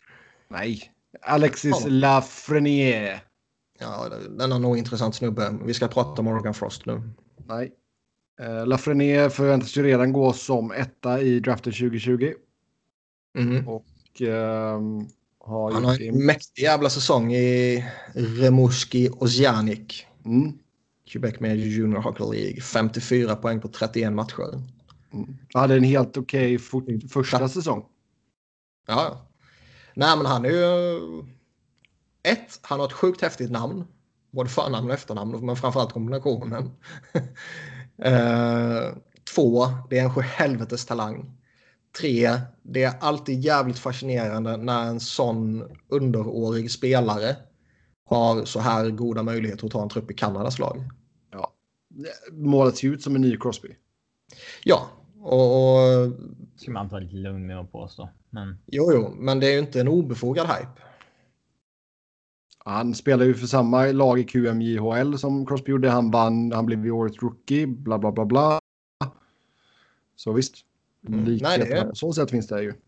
Tar han en plats, vilket jag verkligen hoppas att han gör, så ska det bli sjukt spännande att följa honom. Ja, men det tror jag nog att han, det måste han kunna göra, eller? Så pass bra är han väl? Alltså, Eller? om man tycker det, men alltså, han är, han, han är 01 och han tampas med 99 år. Alltså det kan... Vi har ju sett ryssarna genom åren till exempel har ju en tendens till att ta, de tar den årskullen det gäller med något enstaka undantag. Jo, men de är ju tråkiga också. Och, jo, jo, men liksom det kan ju faktiskt vara under kampen att nej, men de andra är helt enkelt lite längre fram. Och Mm. alltså det är en bra jävla bruttotrupp de har Kanada om man pratar forwardsbesättning bara eftersom om man tittar på hans konkurrenter. Oh ja. Det är många ju... spelare där och det är många, Ja. liksom, det är Morgan Frost som givetvis är den bästa och det är liksom Cody Glass och det är eh, Isaac Ratcliffe som är en annan superforward. Och det är Nick Suzuki och det är Owen Tippett och Joe Valena och det är Gabriel Vlardy som är en jävla sopa som jag inte har hört talas om. Eh, och Barrett. Hayton. Liksom. Ja. Uh, Ty Dalandra som gick väldigt tidigt i draften lite överraskande och sådär. Så det finns Shane Bowers till exempel. Så det Ass. finns. Vad sa du? Alltså du får sluta säga ass i sändningen alltså. Det är, det är inte okej. Så det, jag menar, det finns ju konkurrensen är ju kan ju vara en utmaning för. Men jag Ja. hoppas verkligen att han får en plats för det skulle vara Ja, så det- häftigt att följa. Det hoppas jag med. På backsidan så har man ju också en hel del helt okej namn. Man har ju två jävligt fina, även Bouchard och eh, Noah Dobson. Mm. Och bra utfyllnad även utöver det. Men de två är ju De står ut, absolut. de som jag tycker står ut. Liksom. Sen pekar det väl på att det blir Michael Di Pietro mellan stolparna. Ja, den bra Di Pietro-målvakten. Mm. Blev ju så- eh, petad i sista stund förra året. Ja, och det, vad man kan läsa hittills så ser det ut som att det är han som är första målvakten. Och det är ju en draftad av Vancouver och sådär och det är ju en genuin målvaktsprospect. Det är ju ingen Carter Hart, men det är ju ingen som är det. Ja. Eh, USA, Utom Carter Hart då. Så. förutom eh, bröderna Hughes. Nej, men det är ju de två man ska följa. Eh, givetvis. Det är Mattias Samuelsson ifall han tar en plats. Caden Primo, som är Wayne Primos boy. Eh, Boik. Pojk. Boy eller pojk, jag visste inte vad jag skulle säga. Han tycker man givetvis om lite. Eh, Oliver Wahlström. Och sen Joel en till halvsvensk. ja. Nej, men de har ju lite intressanta där. eh, framförallt forwards känner jag. Men är det ett lika starkt lag på pappret som det var förra året? Nej, det tycker jag inte.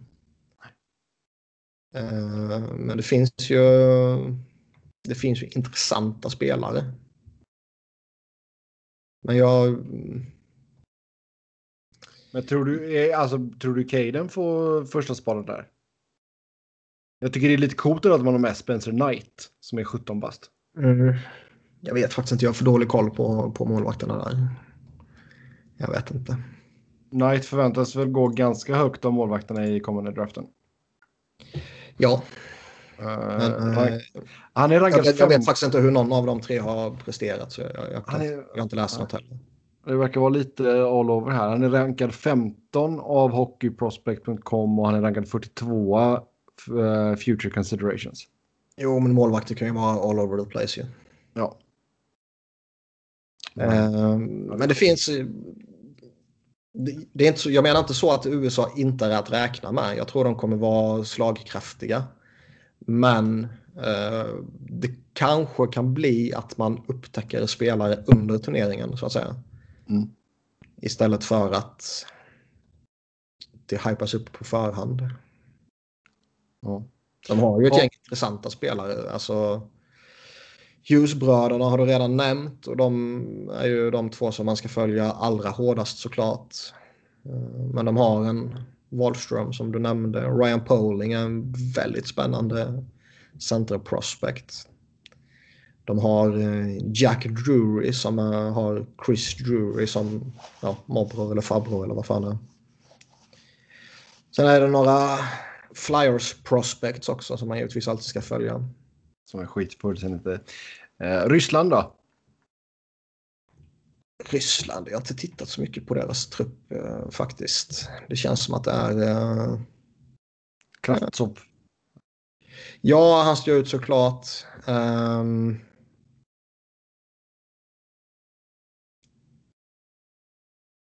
annars har jag inte så jättemycket att säga faktiskt. Ja, nej, det är lugnt.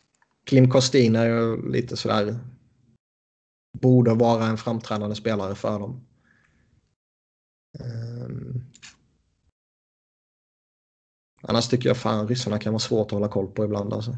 Ja. Alexander Alexiev, ja, han draftades och verkar vara en, en bra prospect så, men jag har inte sett någonting. Nej. Mm. Och man lär sig väldigt lite om dem också eftersom det, många av dem huserar i Ryssland. jo, exakt. Har vi någonting roligt från de andra länderna? Tänker Danmark, Kazakstan, Slovakien, Schweiz. Vad har vi? Vi har... Uh, ska vi börja med Kazakstan? Kan vi göra. Nej, jag har faktiskt ingen aning. Schweiz, vad har de? De har... Uh, Nico Gross gör ju typ sitt sjunde JVM känns det som. Men det är väl bara det tredje. Ja, bara. Men alltså spela tre mycket. JVM är ju en Ja. bedrift liksom. Ja. Ehm, vad har de mer? Nej, jag vet inte. Danmark, vem fan bryr sig om Danmark liksom? De hade inte med ett gäng 17-åringar här nu. I- Jo, det är ju skoj, men det kanske också kan vara talande. Mm. Nej, ingen jävla aning. Kazakstan behöver man inte ens titta på. Yes. Då tar vi och... har tagit ut en back och en, två, tre, fyra, fem, sex, sju, åtta forwards enligt eh, EP. Ja, Nej, sju, sju forwards var det bara till och med. behövs det fyllas på lite där. Ja. Men det ska bli skoj. GVM är alltid en höjdpunkt under säsongen. Ja. Eh, då glider vi över på lyssnarfrågorna som vanligt. Stort tack till er som har skrivit in. Hur hade stjärnornas rykten påverkats om man hade bytt nationalitet på dem? Till exempel om Ovechkin hade varit kanadensare eller om Taves varit ryss. Hade Ovechkin varit kanadensare så hade, du, då hade vi ju aldrig fått sluta höra om honom. Han hade varit större än Oj, oj, Crosby oj. om han hade spelat i Ja. Toronto eller Montreal. Ja.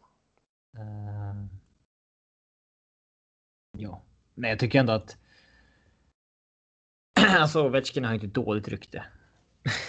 Idag. Nej, nej, nej, herregud. Har Nej, det har ju balanserats ut. Men man behöver ju inte gå tillbaka jättelänge ändå. För att det ändå skulle vara lite, ja i synnerhet mot ryssar, lite så här att ja, man vet aldrig var man har dem. Säg att Jonathan Taves hade varit Jonathan Tövs från Bromölla. Han hade nog haft jävligt gott rykte om han var svensk eller finne eller dylikt. Men ryss då vet jag fan. Alltså, han varit ryss så skulle det varit Patrick Kane som var liksom gullepojken. Ja. Ja. Alltså första centern i ett lag som vinner tre Stanley Cup kommer ju alltid... Eh, ha liksom Bra mycket status. Ja. Eh, men eh, ryskt pass, det hade nog fan ställt till det en del. Det tror jag. Alltså, Yes. Ko- Kopitar har inte haft Taves-statusen liksom. Nej, verkligen inte. Trots att han har gjort samma sak egentligen i ett annat lag. Nej, det är helt sant. Han är ju från en mycket, mycket mindre nation. Så, mm. Ja. Vilket lags målvakter gör det sämst? Blues eller Flyers?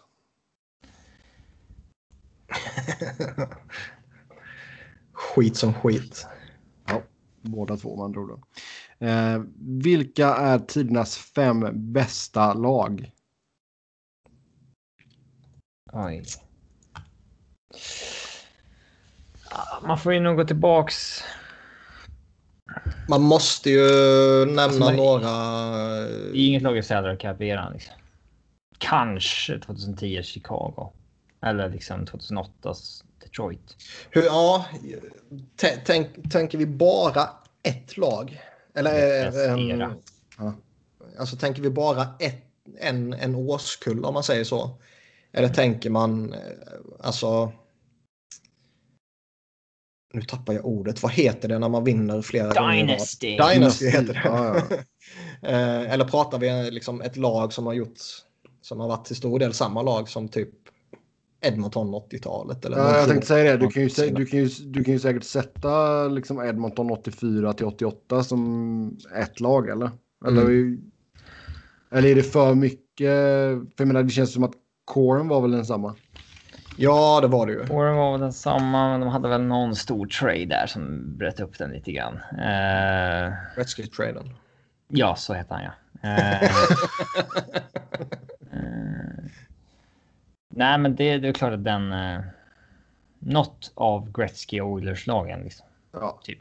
Det är väl Eh, svårt att kanske jämföra dem mot varandra. Ja, men typ 85 där Gretzky gör 208 poäng och 47 i slutspelet. Ja, det Med var det bästa. Coffey och Messier och Curry. Ehm, Sen har man ju alltså, typ tre Montreal-dynastier. mm, 50-talet, väldigt svårt för att 60-talet och jämföra dem 70-talet. liksom. Eh, Nej, så är det. Men jag menar det är ändå det är några sjuka jävla legendarer de har i de där lagen. Ja. Islanders-dynastin ska man inte snacka bort heller. Nej. Eh, vinna fyra år i rad och sen torska en final. Visst. Det är, jag, jag känner den här frågan är det sjukt svårt att inte landa i dynastier. Jo. Ja, för det han alltså. Lyckas man vinna flera år i rad, det spelar inte så stor roll om man hade något lite sunkigt slut, alltså någon sunkig grundserie här och där innan liksom. Mm. Eh, Men menar hur bra, alltså. Hur högt håller vi Red Wings 97-98 till exempel? Alltså, Jag, tänkte, jag tänkte lyfta Red Wings faktiskt. För det, det är väl... Äh, alltså ni, Pittsburgh gjorde ju en schysst bedrift här när de har två år i rad under salary cap-eran och det ska ju creddas. Men Oh ja. de hade en jävla star power Detroit där alltså. men grejen är att när de vann 96-97 och 97-98, deras grundserie var inte fruktansvärt imponerande. Året innan dock, när de torskade i konferensfinalen, då, då vann de ju 62 av 82 matcher i grundserien. Är okej. Året efter när de väl vinner, då vann de bara 38. ja. Det kommer ju fan knappt till slutspel på idag. Mhm. Alltså det gör man ju inte om man inte har en jävla flyt. 62 grundseriematcher dock. Sen har vi, vi har ju några fina Boston-lag också. Esposito och Bobby Orr och så. Mm. Jag tror jag... Jag vet fan om något ävslag av dem där skulle kvalat in. Nej. Kanske 2001, men det var lite väl framtungt kanske för att påstå att det skulle vara ett av de bästa ever. Mm. Kanske man bara tittar på första femman med Ra, Bork, Blake, Foppa, Sakic och ja, valfri komponent bredvid. Tanger, ja. Men liksom det var mycket skräp längre ner i hierarkin på de där lagen. Ja.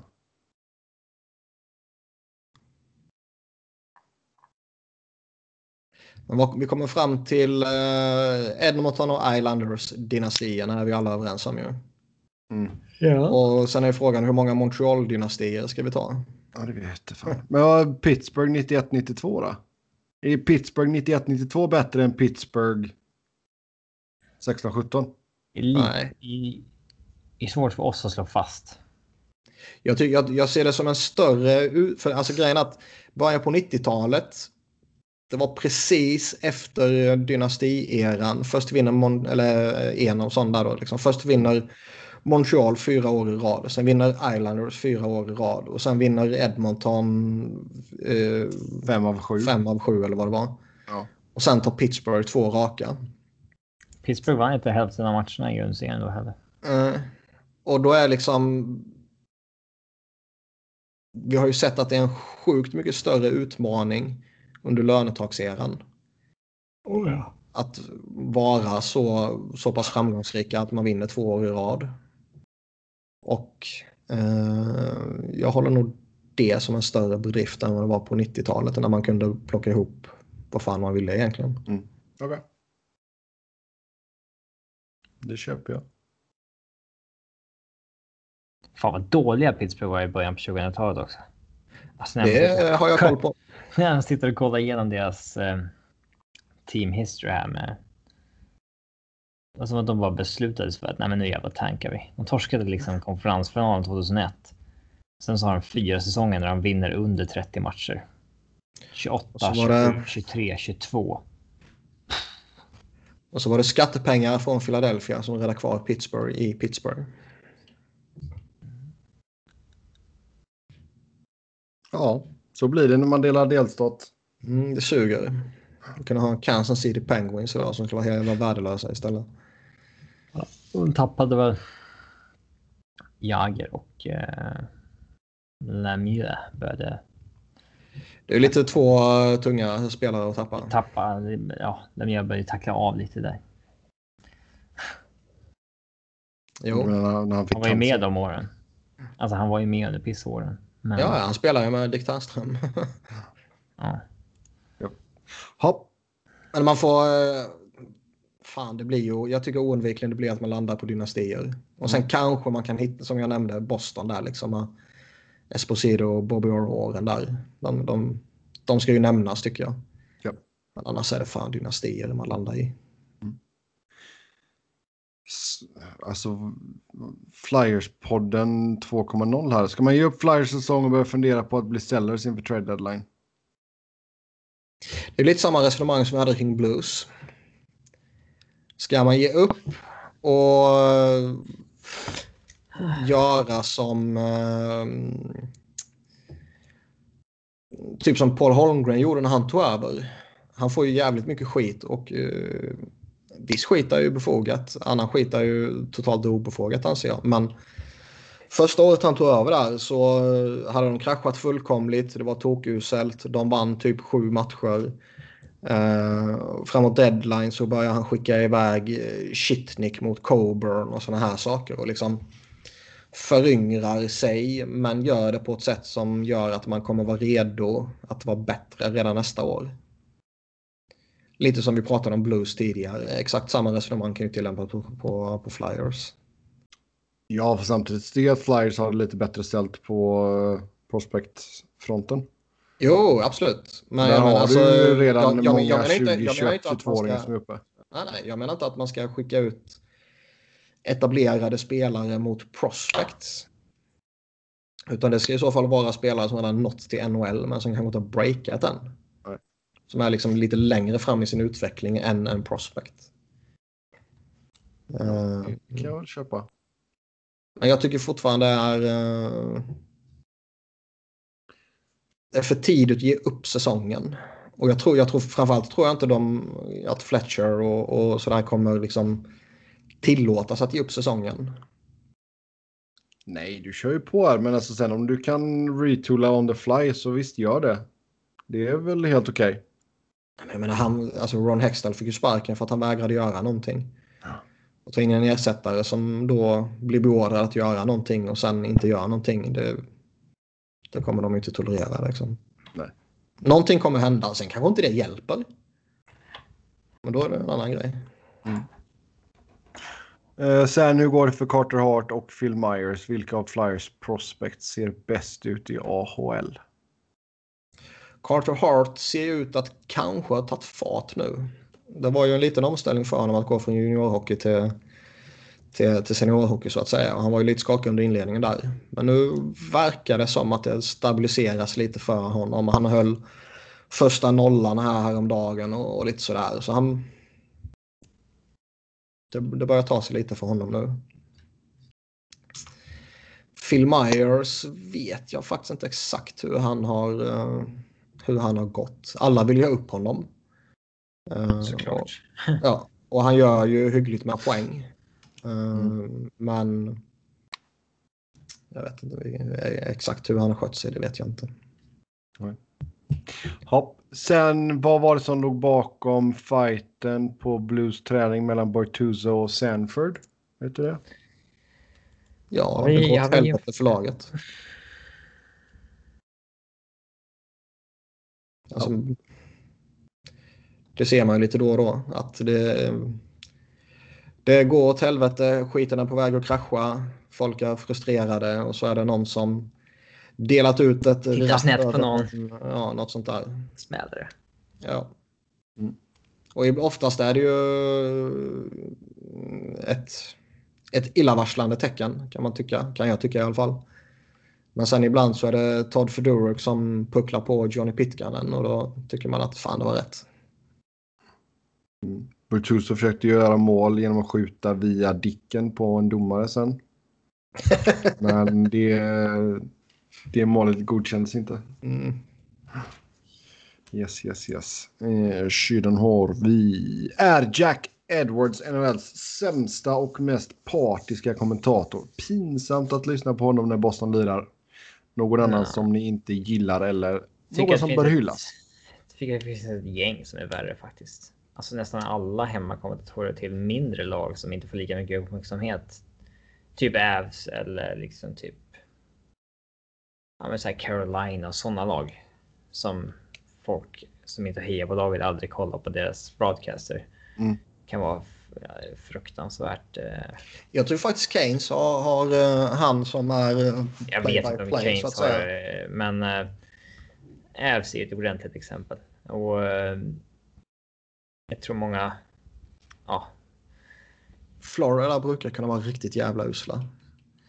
Men jag brukar alltså när jag tittar på Flyers matcher till exempel så tittar jag ju aldrig på någon annan feed än Flyers-feeden. Om det nu inte råkar vara typ en NBC-match eller något sånt. Nej, exakt. Um, visst sitter man och tittar på en, på en annan match där Flyers inte spelar så har jag en tendens till att... Stänga av ljudet? Nej, men inte stänga av ljudet, men att man liksom inte man tar inte åt Nej, sig på samma sätt. Nej. Nej. Men alltså, till exempel den situationen vi snackade om för en vecka sedan med Todd Bertuzzi och... Eh, inte Todd Bertuzzi. Eh, Tyler Bertuzzi och med, mm. Matt Calvert. Det är en sak som båda broadcasterna uppfattar helt olika. För att de är på olika lag. Och ja, både Avs och Detroit tycker jag är otroligt partiska. Mm. Jo, men alla, alla... Man såg ju Detroit nu, Kronwall-tacklingen här. Ja. Han sätter den och det första de brölar ut är att it's a clean hit. Mm. Ja, innan ens reprisen har gått. Liksom. Ja. Det är alltså... Ken Daniels som är deras play by play är okej, okay, men experten Mickey Redman är ju fruktansvärd. Det, kän, det, känns ju som att de flesta av dem är ju jävligt hom Homer Homery, Homer-aktiga. Ja, Många men av dem är ju anställda direkt eller indirekt av laget. Ja, ja exakt. Så det är inte konstigt att... Uh... Alltså Cronky Sports skit. Jag vet inte exakt vad det heter, men alltså de äger ju både. De äger ju Altitude Broadcasting och. Uh, eller ja. Cronky helt enkelt ägaren. Han äger ju både mm. laget och sändningsbolaget. Mm, han hatar vi. Eh, många tycker att det är konstigt att de låter till exempel Mark Rycroft vara med, för han kan vara kritisk ibland. Eh, men de är alltså, de alla vet att de, de hejar ju på laget öppet i sändning liksom och så vidare. Ja. Det är ju liksom ingen. De är nog mest. Ja, det har inte jag något att man hejar. Alltså att, man, att, att, att jag som eh, eller Jack Edwards som Boston kommentator hejar på Boston. Det bryr jag mig inte om. Uh, det, det enda jag tycker är riktigt jobbigt är när de. Uh, alltså så här. Blir fruktansvärt partiska kring domslut och grejer. Ja, det är det jag alltså det... tänkte säga också. Det är det man stör sig på. Eller en, någon uppmärksammad grej som man verkligen... Man kan inte se någonting på det liksom. Ja, det, är det, frustrerar. Jag tycker de sämsta tycker jag, jag tycker Boston är, det är så jävla värdelöst att titta på deras sändningar. Pittsburgh ska vi inte ens prata om. De fuskar ju till och med för lagets skull. Liksom. Vägrar skicka videoklipp till ligan och sånt där.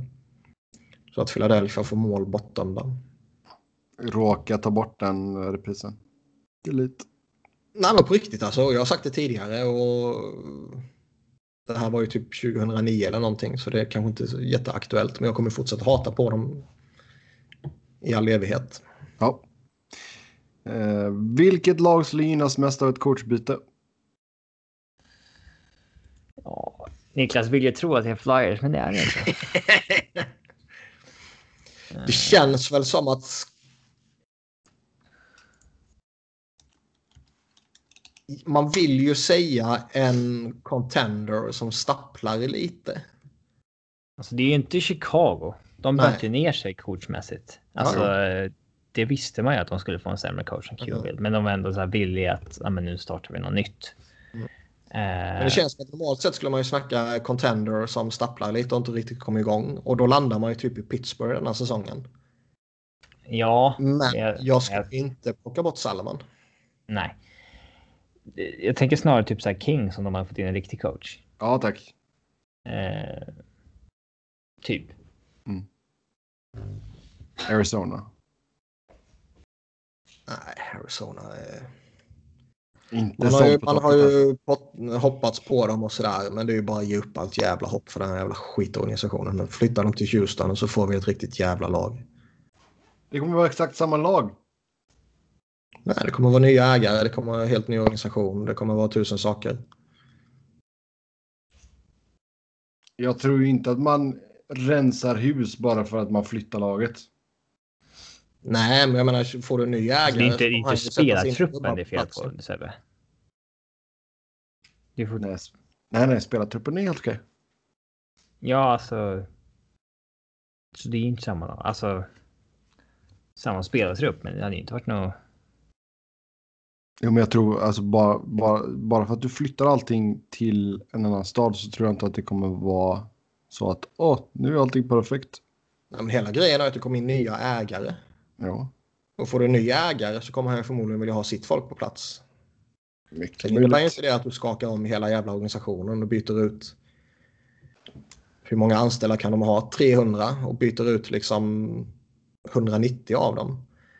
Men många av dem är ju kanske kanske jobbar på arenan i Arizona och inte för Coyotes. Mm.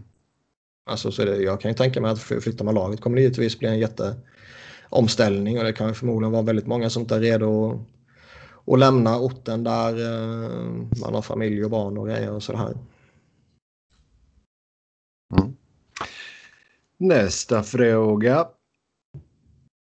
Sitter ni inne på några sköna klenoder om spelare ledare hade varit ett nöje att lyssna på.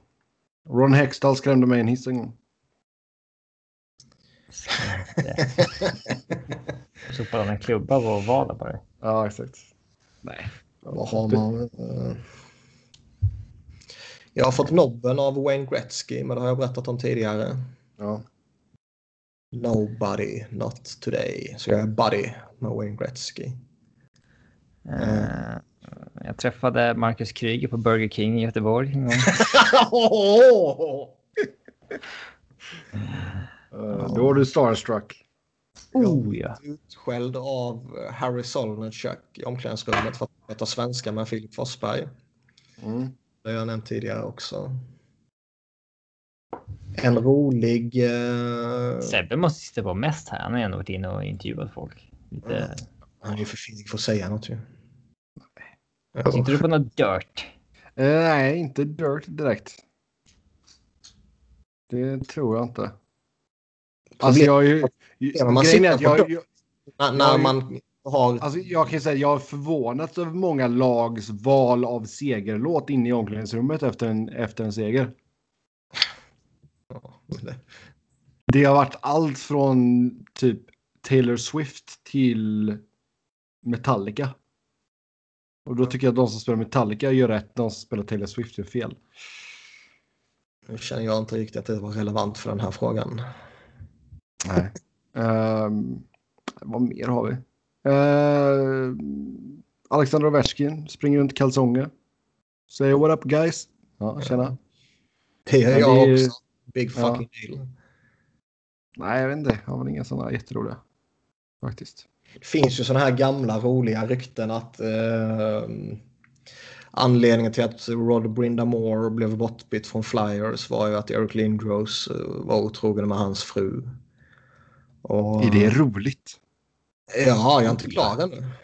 Och när det kommer ut och han får reda på det så blir det ju bråk i omklädningsrum och grejer. Och Brinda Moore springer ju upp till, till, till kontoret och liksom kräver att antingen blir jag bytt, bortbytt eller så blir Lindros bortbytt. Och typ dagen efter så tradas han till Carolina. Eh, Rick Tocket ska ju ha blivit så jävla förbannad på Eric Lindros så han ska ju ha tagit en en sån här ihopfällbar plaststol och dragit i ryggen slash bakhuvudet på Lindros och gett honom en hjärnskakning typ den sjunde i karriären eller någonting. Ehm, Stabilt. så det finns ju lite sådana sjuka grejer som det har ju aldrig bekräftats. Men det har aldrig förnekats heller. Så någon borde ju fråga Tocket, did you hit Lindros with a chair in the back of the head? typ. Då skulle du få en rak höger i nyllet typ. Ja. Sen sitter man ju på lite sådana där eh, roliga grejer men det kan man ju inte berätta. Ja, måste fixa in den också. Det... Vad sa du? Fixa in den också. att den- Ja. Jag vet saker jag inte får säga. Ja. Nej, men för då kommer man ju inte få reda på roliga saker igen. Nej. Eh, kan vi avslöja något om varandra? Har vi något dirt på Sebbe till exempel? Tvek. Alla måste säga något vi inte vet om den andra. Vi vet ju alla att Robin är mindre bra på att ha glasflaskor i en, i en ryggsäck i alla fall. Jag kom, kom hem från Göteborg idag och har varit där på, på lite möten och grejer. Och det första jag kom att tänka på när jag klev av tåget. Det var Robin. ja. Mm. Yes. Ja, Ja. Ja, nästa fråga. Scott Darling och Jake Allen. Nästan likadana kontrakt, nästan lika dåliga. Byta rakt av och hoppas på det bästa? Frågetecken. Blues gillar Jake Allen. Vi vet inte Ja. varför, men så är det. Och det kommer alltid vara så. Han kanske är supermysig. Mysig. Han är inte ens ung längre. Nej. Det kan inte vara lammkött. Nej. Han har hållhake på någon i alla fall. Sen vill höra en uppdatering av era tankar kring Jim Benning. Tycker nästan han är lite underskattad. Underskattad skulle jag nog inte säga, men han har ju fått skit för det han gjort skit, men han har inte fått tillräckligt med cred för det som han gjort bra. Mm. Och det som faktiskt såg ut att gå så helvetes illa. Eh, och det som verkligen såg ut att nu kommer det fan bli kaos. Det planar ju ut och blev ingenting.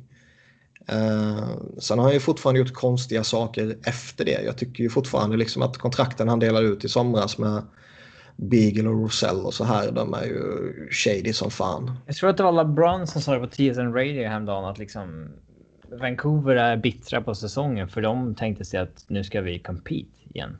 Ja. att det var det som att ta in Beagle och Rosella de här för att höja nivån på tredje fjärde linen för att då kunna pusha sig till slutspel igen. Att det var liksom planen och det mm. säger väl en del om liksom. Eh, ja, vad, vad säger de egentligen? Det säger en del om verklighetsuppfattningen. Ja, mm, liksom deras assessment of the situation. Ja. Eh, men. Jag tycker inte att Alltså bara Elias Pettersson gör ju att eh, det ser inte ut som att eh, Vancouver har någon hemsk framtid liksom. Men visst, de kanske är ett lag som inte går till slutspel på tio år, det vet man inte. Alltså, de har jättemånga bra prospects, men det kommer ju ta ett tag. Jag, jag ser inte dem som någon slags ah, bubbellag. Bästa caset i år liksom. Ja. Ja, men liksom. Eh och så ska vi komma ihåg om att, att Mike Gillis fick ju en hel del skit, men det kom ju fram sen liksom att mycket var ju liksom direkta order från ägarna liksom att du måste göra det här, du måste göra det här. Mm. Trots att man ja. liksom inte ville och det är samma ägare som är kvar. Ja. Nej, och man är... hoppas ju nu med, med, med tanke på Petterssons eh, inledning här, med tanke på att de ändå har väldigt bra kontakt mot, mot slutspel och så här att nu ska vi handla, nu ska vi gå för det. Och, och ser vad fan som händer. Mm. Mm. Jag kan säga att Travis Green älskar att svära. Det gör jag också. Han älskar att svära. Det är 2018, snart 2019. Svordomar borde inte vara något kontroversiellt längre. Mm. Kanske. Kanske, definitivt. Kanske. Det bör ju inte vara vartannat ord som kommer ur din mun i alla fall. Nästa avsnitt ska jag ha en svordom med i varenda mening jag säger. Svordomspodden. Där har du titel och allting. Baka ihop det med Fyllepodden. engelska språkets mest användbara ord är ju fuck. Ja. Man kan böja och tillämpa det på alla tusentals olika sätt man kan komma på. Det konstiga är att det ju bara i USA det är typ inte okej okay att säga i tv. Mm. Jo, men det här är... tv jätteofta. Men de har ju ja, sjuka ja. grejer i USA. Alltså, ja. Säga vissa, alltså med, med... Nu har jag glömt vad det heter, men det här föräldrarådet typ. Som sitter och ska godkänna alla... Parental TV, advisory. Ja, och liksom... Speciellt ah, kristna, du. Ja. Du kan, ju få, du kan ju få något shit per avsnitt liksom, det är okej okay, typ. Ja. ja. Men eh, visst, nej nej, alltså när det kommer våld är hur lugnt som helst. Naket och svordomar, det är inte okej. Okay. Alla ska gärna ha en pistol i nattduksbordet också. Ja. Mm. Men säg fan inte fuck i tv. Ja, det är ju det är en bibel. Ja. Så visst. Nej, nej, det är, på så sätt är det ju skevt. Ja, det är ju många som har höjt på ögonbrynen på det också när man säger att ja, vadå i Sverige? Ja, du kan se tuttar på vanlig tv, det är väl inga problem. Ja, radion spelar låtar utan någon form av censur. Åh oh, fan. Jag menar, vad, liksom, vad är, vad är liksom vitsen med att spela en låt på radio om...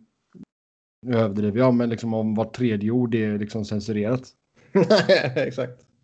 Det är liksom, då är det ingen att spela låten överhuvudtaget. Men, men. Det är ett ämne för en annan dag. Med detta så tar vi och säger tack och hej för den här gången. Som vanligt kan ni följa oss via Twitter. Mig hittar ni på Noren. Niklas på att Niklas Wiberg, Niklas med C och enkel V och Robin på R underscore Fredriksson. Tills nästa gång, ha det gött. Hej!